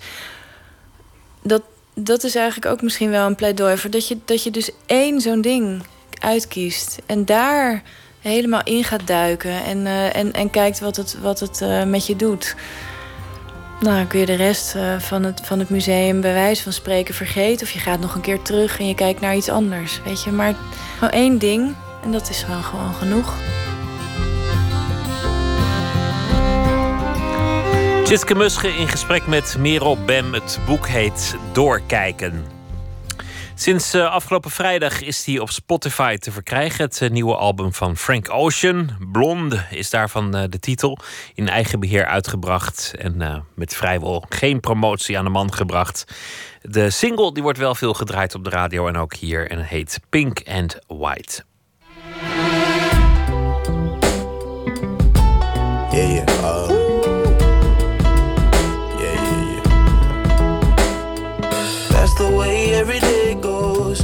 time we've no control. If the sky is pink and white, if the ground is black and yellow, it's the same way you showed me. Nod my head, don't close my eyes. Halfway on a slow move, it's the same way you showed me. Could fly, then you'd feel south. Up north's getting cold soon. The way it is, we're on land, so I'm someone to hold true. Keep you cool when it's still alive. Won't let you down when it's all ruined. Just the same way you showed me, showed me. You showed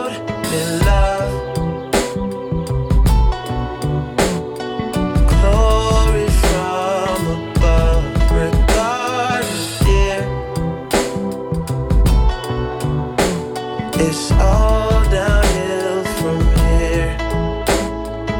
In the wake of a hurricane, dark skin of a summer shade, nose dive in the floodlines, tall tower, milk crate.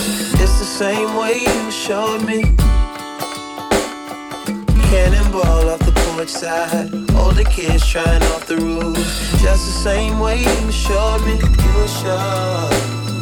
If you could die and come back to life, up for air from the swimming pool, you kneel down to the dry land, kiss the earth that birthed you, gave you tools just to stay alive and make it out when the sun is ruined. That's the same way you showed me, showed,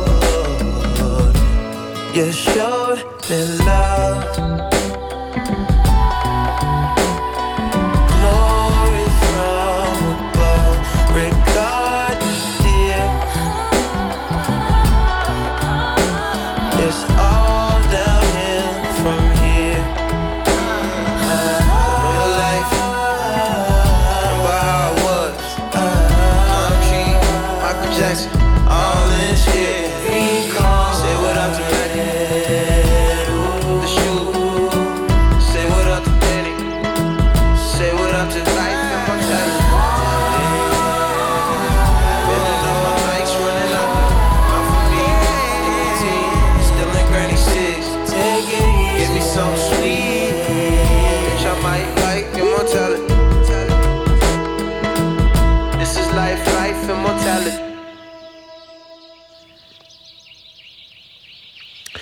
Frank Ocean van zijn nieuwe album en het nummer heet Pink and White.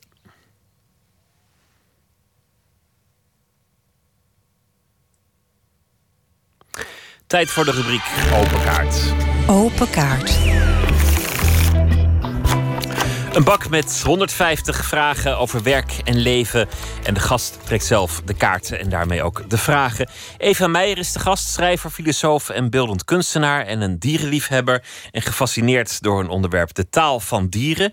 Ze schreef eh, recent een roman. Ze heeft ook een non-fictieboek geschreven over eh, taal bij dieren. En ze is bezig met een dissertatie. Maar ze heeft nu ook een roman, Het Vogelhuis. Dat is niet haar eerste roman trouwens. Waarin de Britse onderzoekster Len Howard centraal staat. Was een van de pioniers in eh, dierenonderzoek. Hartelijk welkom, eh, Eva. Dankjewel. Voor we met de vragen beginnen, moeten we het eh, eerst maar even hebben over dat onderwerp. Wat dat toch een beetje jouw onderwerp is geworden: de taal van dieren. Hoe is dat op jouw pad gekomen? Waarom, waarom is dat je gaan fascineren? Nou, ik ben daar eigenlijk een beetje tegen aangelopen tijdens mijn studie filosofie, uh, omdat ik uh, geïnteresseerd was in uh, dieren. En dan kom je in de filosofie al gauw uit bij de dierethiek. Maar daar gaat het heel erg over de vraag um, hoe mensen andere dieren moeten behandelen. En um, heel veel van die literatuur is ook um, eigenlijk voornamelijk of zelfs geheel gebaseerd op hoe mensen denken. En wat heel erg miste was de interactie met de dieren. En um, uh, nou ja, daar ben ik onderzoek naar gaan doen. En uh, ik kwam steeds meer onderzoeken eigenlijk tegen over taal met en van dieren. En um, ja, god, dat, die ideeën die sluiten ook aan bij mijn eigen ervaringen. Um, in het samenleven met dieren. En ja, geleidelijk aan is dat eigenlijk doorgegroeid naar een interesse in talen van dieren. En ik ben al langer, weet je, taal is eigenlijk ook een soort constante. Taal en dieren zijn los van elkaar ook constante factoren uh, in mijn werk. En dat is nu toevallig dit jaar, komt dat heel erg samen in uh, wat ik aan het doen ben. De vraag is eigenlijk, kunnen dieren praten? Of hebben dieren iets dat je taal zou moeten noemen? Ja, en dat, is, uh, dat zijn eigenlijk twee vragen. Aan de ene kant uh, is dat de vraag van hoe lijkt um, uh, hoe dieren met elkaar communiceren op mensentaal. en dan gaat het bijvoorbeeld over dingen als grammatica. Er zijn um, bij heel veel um, dieren vormen van communicatie die grammatica hebben. Bijvoorbeeld de Caribische pijlinktvissen. Die communiceren met uh, kleurpatronen op hun huid. En die zijn heel erg complex. En die zijn wetenschappers nu aan het analyseren. En uh, wetenschappers denken dus dat het eigenlijk functioneert als uh, zinnen met werkwoorden en zelfstandig naamwoorden en bijwoorden. En dat die um, kleurpatronen eigenlijk een grammatica hebben. Hetzelfde vind je terug in vogelzang. Dus dat is, dat is één helft uh, van de vraag. Um, hebben andere dieren iets wat op mensentaal lijkt? De andere helft van de vraag is natuurlijk: wat is taal eigenlijk? Weet je, is taal alleen maar de woorden die wij nu gebruiken om met elkaar te praten? Of um, is het ook um, uh, onze lichaamstaal? maken gebaren er deel van uit?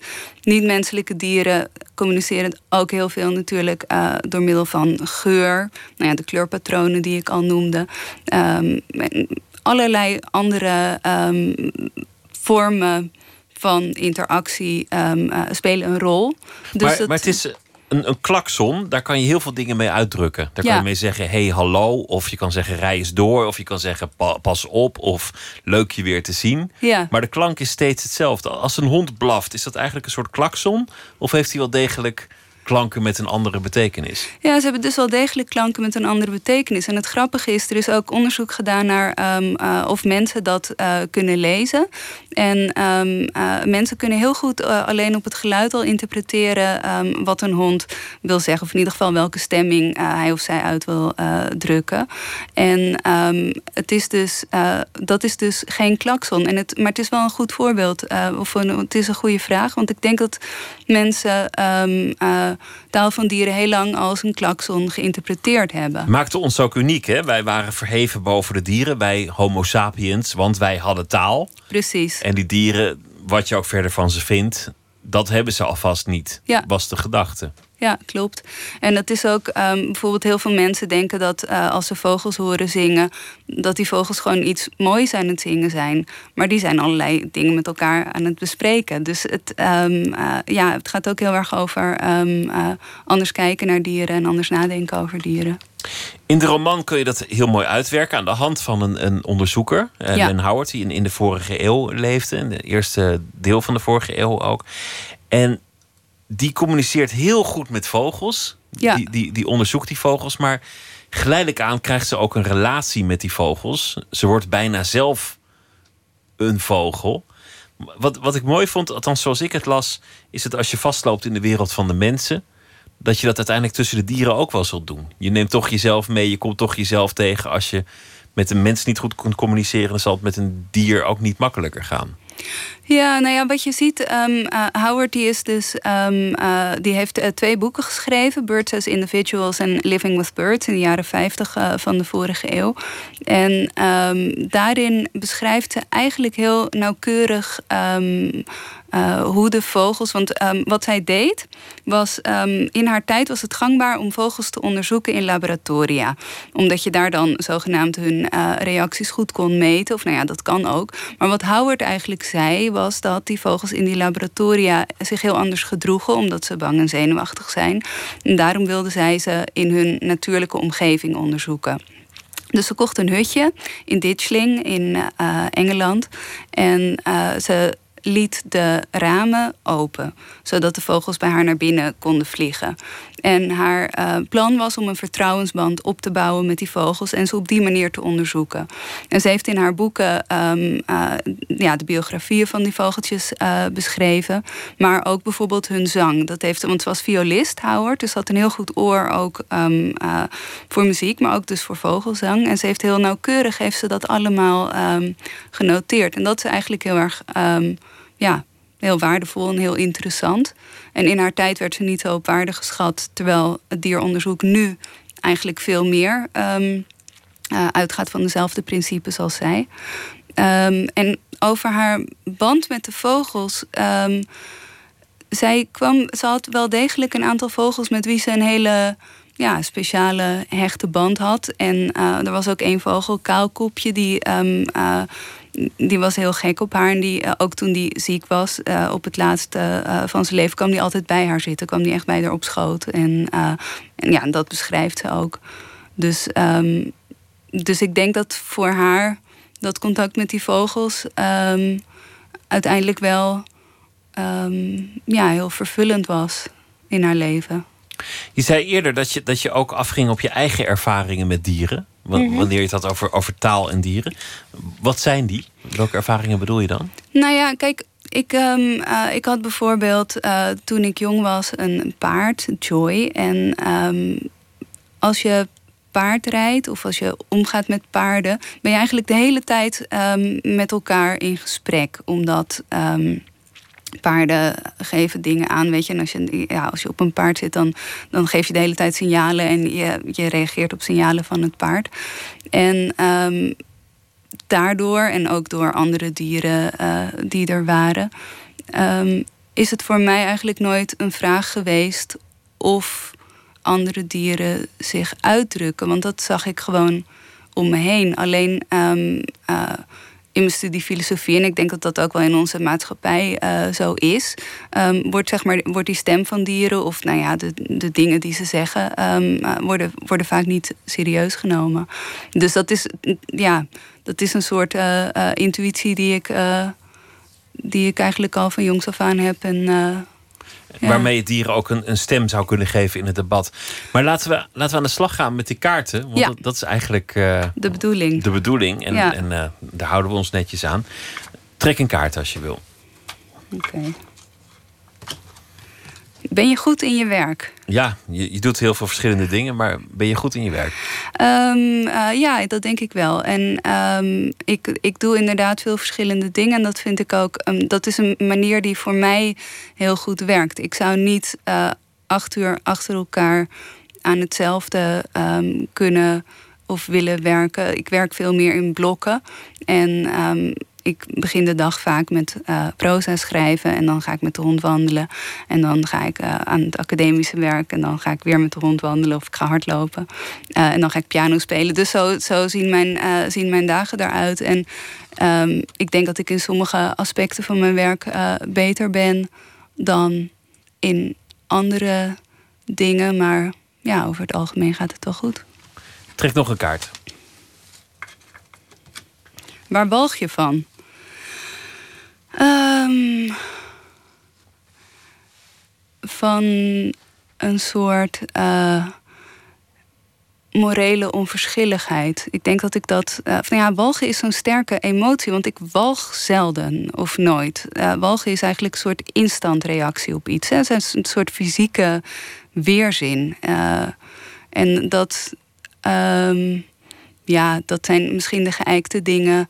Um, foto's van oorlogsslachtoffers en foto's van uh, dieren in de, in de bio-industrie. Um, is dat iets waar, waar je echt je druk om maakt? Uh, kuikentjes die worden versnipperd en, en varkens die levend uh, onverdoofd worden gecastreerd en nou ja, noem maar op. Ja, daar maak ik me wel druk om, ja. Ja. Ja, want dat. Um, kijk, het punt is dat um, omdat het gebruik van dieren zo ontzettend grootschalig is, treedt er een bepaalde. Um, uh, uh, en omdat het zo geaccepteerd is, uh, zien mensen niet meer het individuele leed dat plaatsvindt. Terwijl ieder dier, weet je, al die varkens, al die kippen, zijn allemaal ook individuen met hun eigen gevoel, hun eigen gedachten. En um, dat is best onbevattelijk, omdat het om zoveel dieren gaat die, die gedood worden. En um, dat is denk ik wel iets uh, waar iedereen in Nederland zich uh, en ook daarbuiten zich druk over zou moeten maken. Als het nu gaat over de stem van dieren in het debat, waar, ja. waar we het net over hadden, dan gaat het eigenlijk over de vraag: doet dit pijn of doet dit geen pijn? Is het dier aan het lijden of, of niet? Ja. Dat is wat onderzoekers meestal inzichtelijk proberen te krijgen. Klopt. Hoe, hoe zou jij dat liever voor je zien? Want, want hoe geef je al die individuen een, een stem in, in iets waarin toch de uitkomst waarschijnlijk is dat ze niet zo worden? Ja, nou ja, kijk, um, er zijn verschillende benaderingen um, uh, voor dit probleem. Als het gaat over lijden, weet je, in de, in de dierethiek gaat het heel vaak over lijden en dat het erg is dat dieren lijden. Maar ik denk dat het, um, en dat is ook zo. Um, maar ik denk dat het net zo belangrijk is um, om te kijken. Kijk, als het gaat over politiek. We leven in Nederland in een democratie. Een van de ideeën van de, uh, of een van de principes van een democratie is dat uh, iedereen van wie de belangen um, ja, vertegenwoordigd worden. De, uh, zouden ook stem moeten hebben in wat er politiek gebeurt. En omdat wij um, uh, de levens van andere dieren in grote mate bepalen, zouden zij dus op democratische gronden um, uh, ook stem moeten hebben in dat geheel. de vraag is vervolgens hoe je dat vormgeeft. Weet je, er zijn bijvoorbeeld mensen die uh, voorstellen om daar een dierenombudsman uh, voor in te stellen. Of om uh, in de Tweede Kamer um, ja, dieren op de een of andere manier vertegenwoordigd uh, te laten worden. Maar dan wel door mensen? Ja, dat is door mensen. En, um, en mijn punt is veel meer om te gaan kijken um, uh, naar de manieren waarop dieren al stem hebben. Dus dan gaat het niet over dieren stem geven, maar erkennen dat ze al uh, stem hebben. En dan samen met dieren te zoeken naar andere manieren uh, om de samenleving in te richten op manieren die voor hen begrijpelijk zijn. En het punt is dat het hele project staat nog heel erg in de kinderschoenen, zowel in de politieke filosofie als in dat onderzoek naar taal. Want we weten van heel veel soorten uh, gewoon eigenlijk nog maar heel weinig, uh, omdat er heel lang gedacht is dat dieren toch geen taal hebben. En het is nou eenmaal zo met onderzoek, de vragen die je doet zijn bepalend voor de antwoorden die je krijgt. Um, dus ik zou zeggen veel meer empirisch onderzoek naar dieren en um, in ieder geval ook aan de slag met rechten binnen het bestaande menselijke systeem, zodat de positie uh, van dieren in ieder geval iets uh, verbeterd gaat worden. Dat is helder. Laten we nog één kaart trekken. Ik dacht dat we er vijf moesten doen. Oh. Gaan we zeker niet redden. Wat wil je aan je kinderen meegeven? Um, uh, de, ja, een betere wereld. Uh, en daarbij de boodschap van, probeer uh, een, een, goed iemand te zijn. En, en je in te zetten voor anderen. En um, ja. En als je kinderen op een dag zouden zeggen: Mam, ik heb, ik heb zo'n. kinderen hoor. Maar, maar, maar je, je, fictieve ja. kinderen zouden zeggen: Mam, ik heb zo'n trek in McDonald's. Kunnen we hier even stoppen, alsjeblieft? Um, nou ja, kijk, dan is het uh, denk ik belangrijk om uit te leggen um, wat er bij McDonald's gebeurt. En um, waar, de, waar hun eten van gemaakt wordt. En, uh, en vervolgens door te rijden. Nou ja, kijk, dat hangt een beetje van de leeftijd van die kinderen af. Weet je, als, als kinderen, mensen moeten hun eigen keuzes maken. Je kunt niet um, uh, iemand dwingen iets te vinden of iets te voelen. Um, je kunt alleen maar proberen uh, om, om om de zaak goed uit te leggen en eh, in gesprek te gaan met mensen die er anders over denken. En te hopen dat, ehm, dat, je de, dat je ze de wereld zo kunt laten zien zoals jij hem ziet. En dan, ja. Zo is het ook. Het boek heet Het Vogelhuis. Dat uh, verschijnt 22 september officieel. Ja. Dank Eva Meijer. En succes ook nog met uh, de promotie. Bedankt. Volgende week uh, donderdag zijn ze hier te gast. De tweelingbroers van Tangerine. En ze komen ook zingen in de studio. De aanleiding is een nieuw album. Dat hebben ze opgenomen in de Verenigde Staten, in Arizona. En is geproduceerd door de heren van Calexico. We gaan alvast een uh, nummer laten horen. Love Could Tear Us Apart.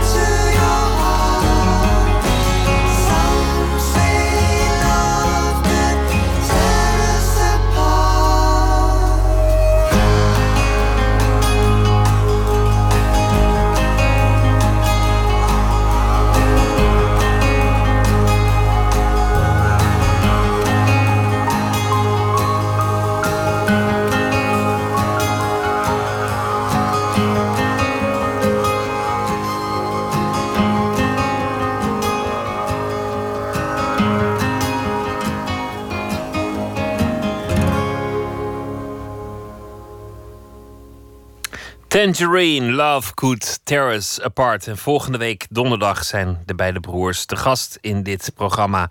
Onder meer om te praten over hun nieuwe album Things Go Like That Anyway. Nooit meer slapen.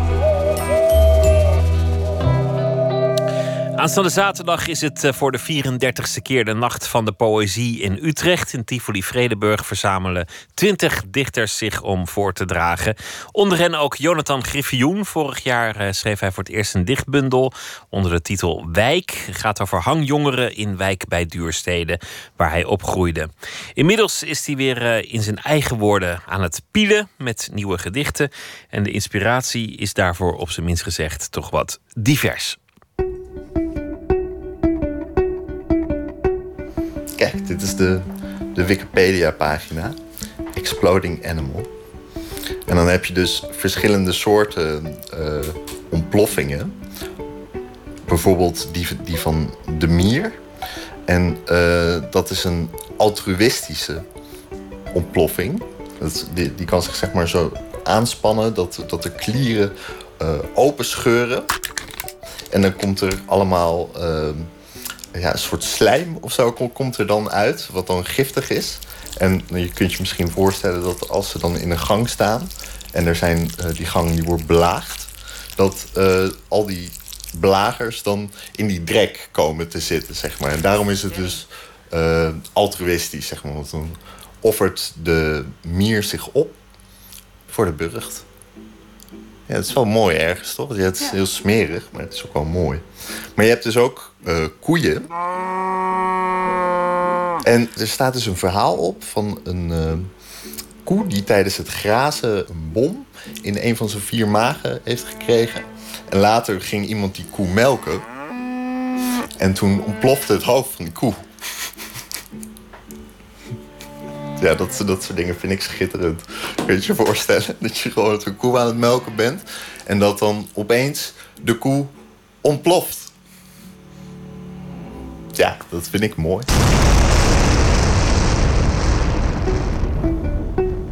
Ja, dat, dat is wel een mooi voorbeeld van iets wat ik dan zou kunnen gebruiken. Ik heb het alleen nog niet gedaan met het, met het ontploffende dier. Ik ben altijd ontzettend lang aan het, uh, aan het pielen en, uh, en doen met een gedicht. Ik, ik werk heel veel met, uh, met zogeheten ready-made. Dus de fragmenten in advertenties of op Wikipedia-pagina's. En ehm, die, die wil ik dan het liefst in een door mijzelf gebouwd kader plaatsen. Maar ik, ik, ik vind het niet leuk om ze zo rauw als ik ze vind... dan ook te publiceren onder mijn naam. In Wijk heb ik een gedicht over uh, werk in een kaassoufflé-fabriek. En toen ben ik gaan zoeken naar tweedehands industrieapparatuur voor, voor, voor, voor het verpakken van, van, van snacks. En toen kwam ik bijvoorbeeld het apparaat de Vinkenlijn tegen. En de Vinkenlijn, dat is een apparaat ten behoeve van het slicen van plakjes in T-vorm of rechthoekig. Zo stond dat omschreven. Nou, dat, dat vind ik een, een prachtig onbeholpen soort uh, anglicisme. Hè? Dat, uh, het slicen van plakjes. Ja, waarom niet het snijden van plakjes? Dat is van die taal die onverhoopt... Ja, toch, toch poëtisch wordt of zo. Om die, juist om, omdat het zo onbeholpen is.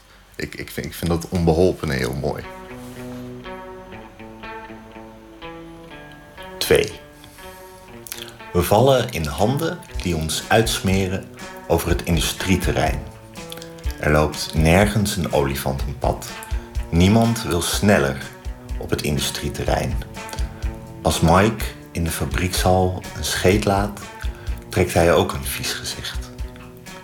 We worden aan het uiteinde van de vinkenlijn neergezet. Een machine ten behoeve van het slicen van de plakjes in T-vorm of rechthoekig. Even terug. In een paar weken tijd werden we gearresteerd en vastgezet. Enkelen een paar uur, andere weken. Wie uit mocht, zorgde dat hij niet meer in de buurt kwam van een elektrische gitaar. We zijn de liefdesliedjes zat. We willen schreeuwen over onze twijfels en onze woede. Ja, hoofdpijn vooral, slaaptekort. Maar in de bushaltes komen stoppels door terwijl we wachten. We dragen onze overals als omgevallen hanenkammen. Als ik het moet uh, typeren, wat mij aantrekt, dan is het toch wel het uh, bizar realistische. Iets wat, wat, wat wel echt waar is, maar tegelijkertijd te gek om waar te zijn. Bijvoorbeeld, uh, er was een groep christenen die op een uh, Canadees dollarbiljet een demon dachten te zien. En toen heeft de Canadese regering dat dollarbiljet uit de handel gehaald. Nou, dat vind ik nogal wat. Dat is inderdaad nogal wat, maar dat is, ja, dat is een soort van afspraak ook of zo. Ik bedoel, als, als jij nu in je tientje een, een demon of een spook ziet... dan denken mensen gewoon dat je gek bent. Maar als je dat met z'n duizenden zegt, dan, dan is het ja, bijna waar. Nee, dat, oh, dat is misschien ook wel een, uh, een belangrijk aspect. Ik, ik, ik hou heel erg van dingen waar je om moet lachen. En ik wil ze dan graag uh, uh, in, in, in zo'n kader plaatsen... Dat, dat ze zeg maar niet alleen maar om te lachen blijven... maar dat, maar dat ze ook ehm, treurig worden. Of ik, ik, ik wil graag een, een toon waarbinnen dingen gewoon kunnen. Dus dat, dat je in regel 1 een grap maakt en in regel 2 iets ontroerends zegt. Zeg. Dat, dat, dat allemaal bestaat binnen één gedicht. Uh, daar ben ik altijd naar op zoek. Dat, dat lukt nooit helemaal. Het is een soort boek van Violet en Dood, weet je wel? Van Reven. Van, oh, het boek dat alle andere boeken buiten het telefoonboek en de Bijbel overbodig maakt, zeg maar. Ik, ik, wil ook steeds zo'n gedicht schrijven. Waarmee je het dan allemaal echt kan zeggen.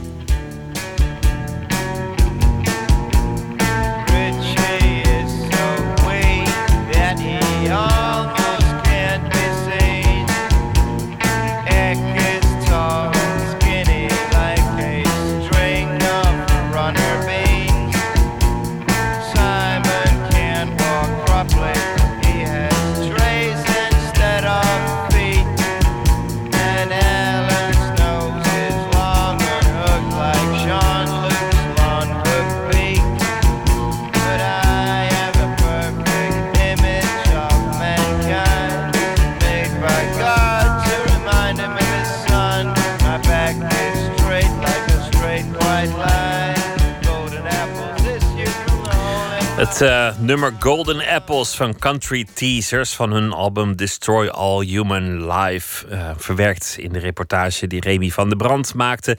Met uh, dichter Jonathan Griffioen. Aanstaande zaterdag dan is het zover de Nacht van de Poëzie in Tivoli Vredenburg. En hij zal optreden om een uurtje of drie in de nacht.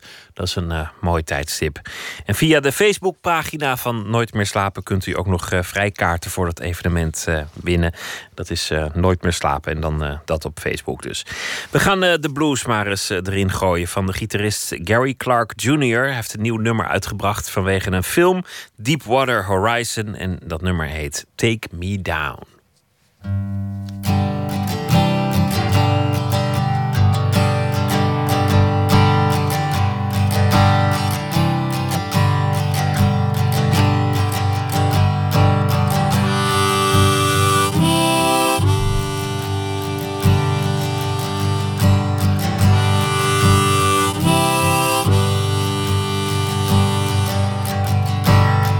This train rolls down the track.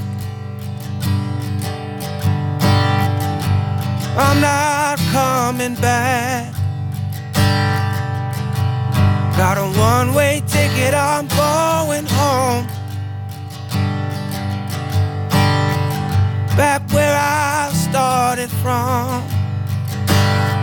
Oh, take me down south when you take me home, Lord. When you take me home,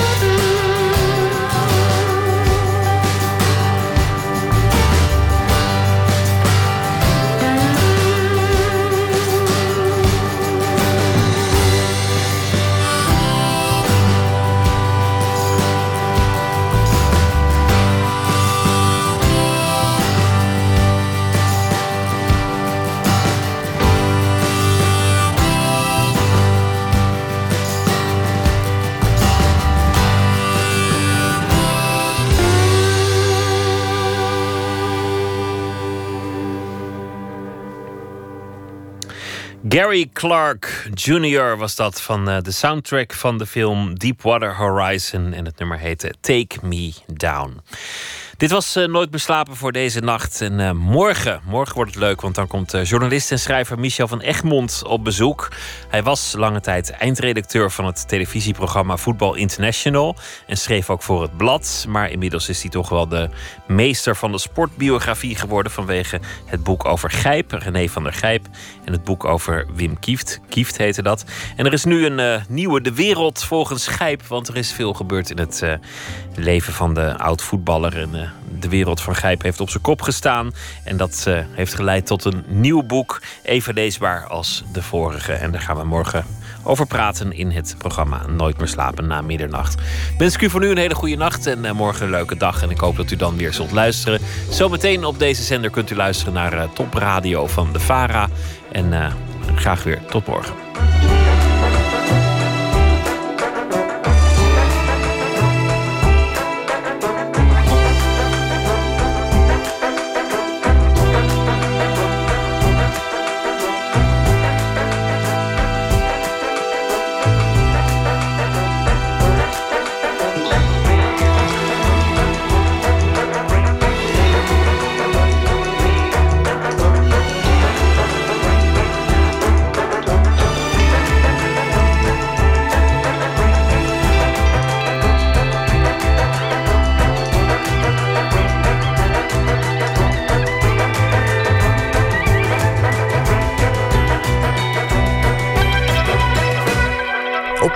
Radio 1. Het nieuws van alle kanten.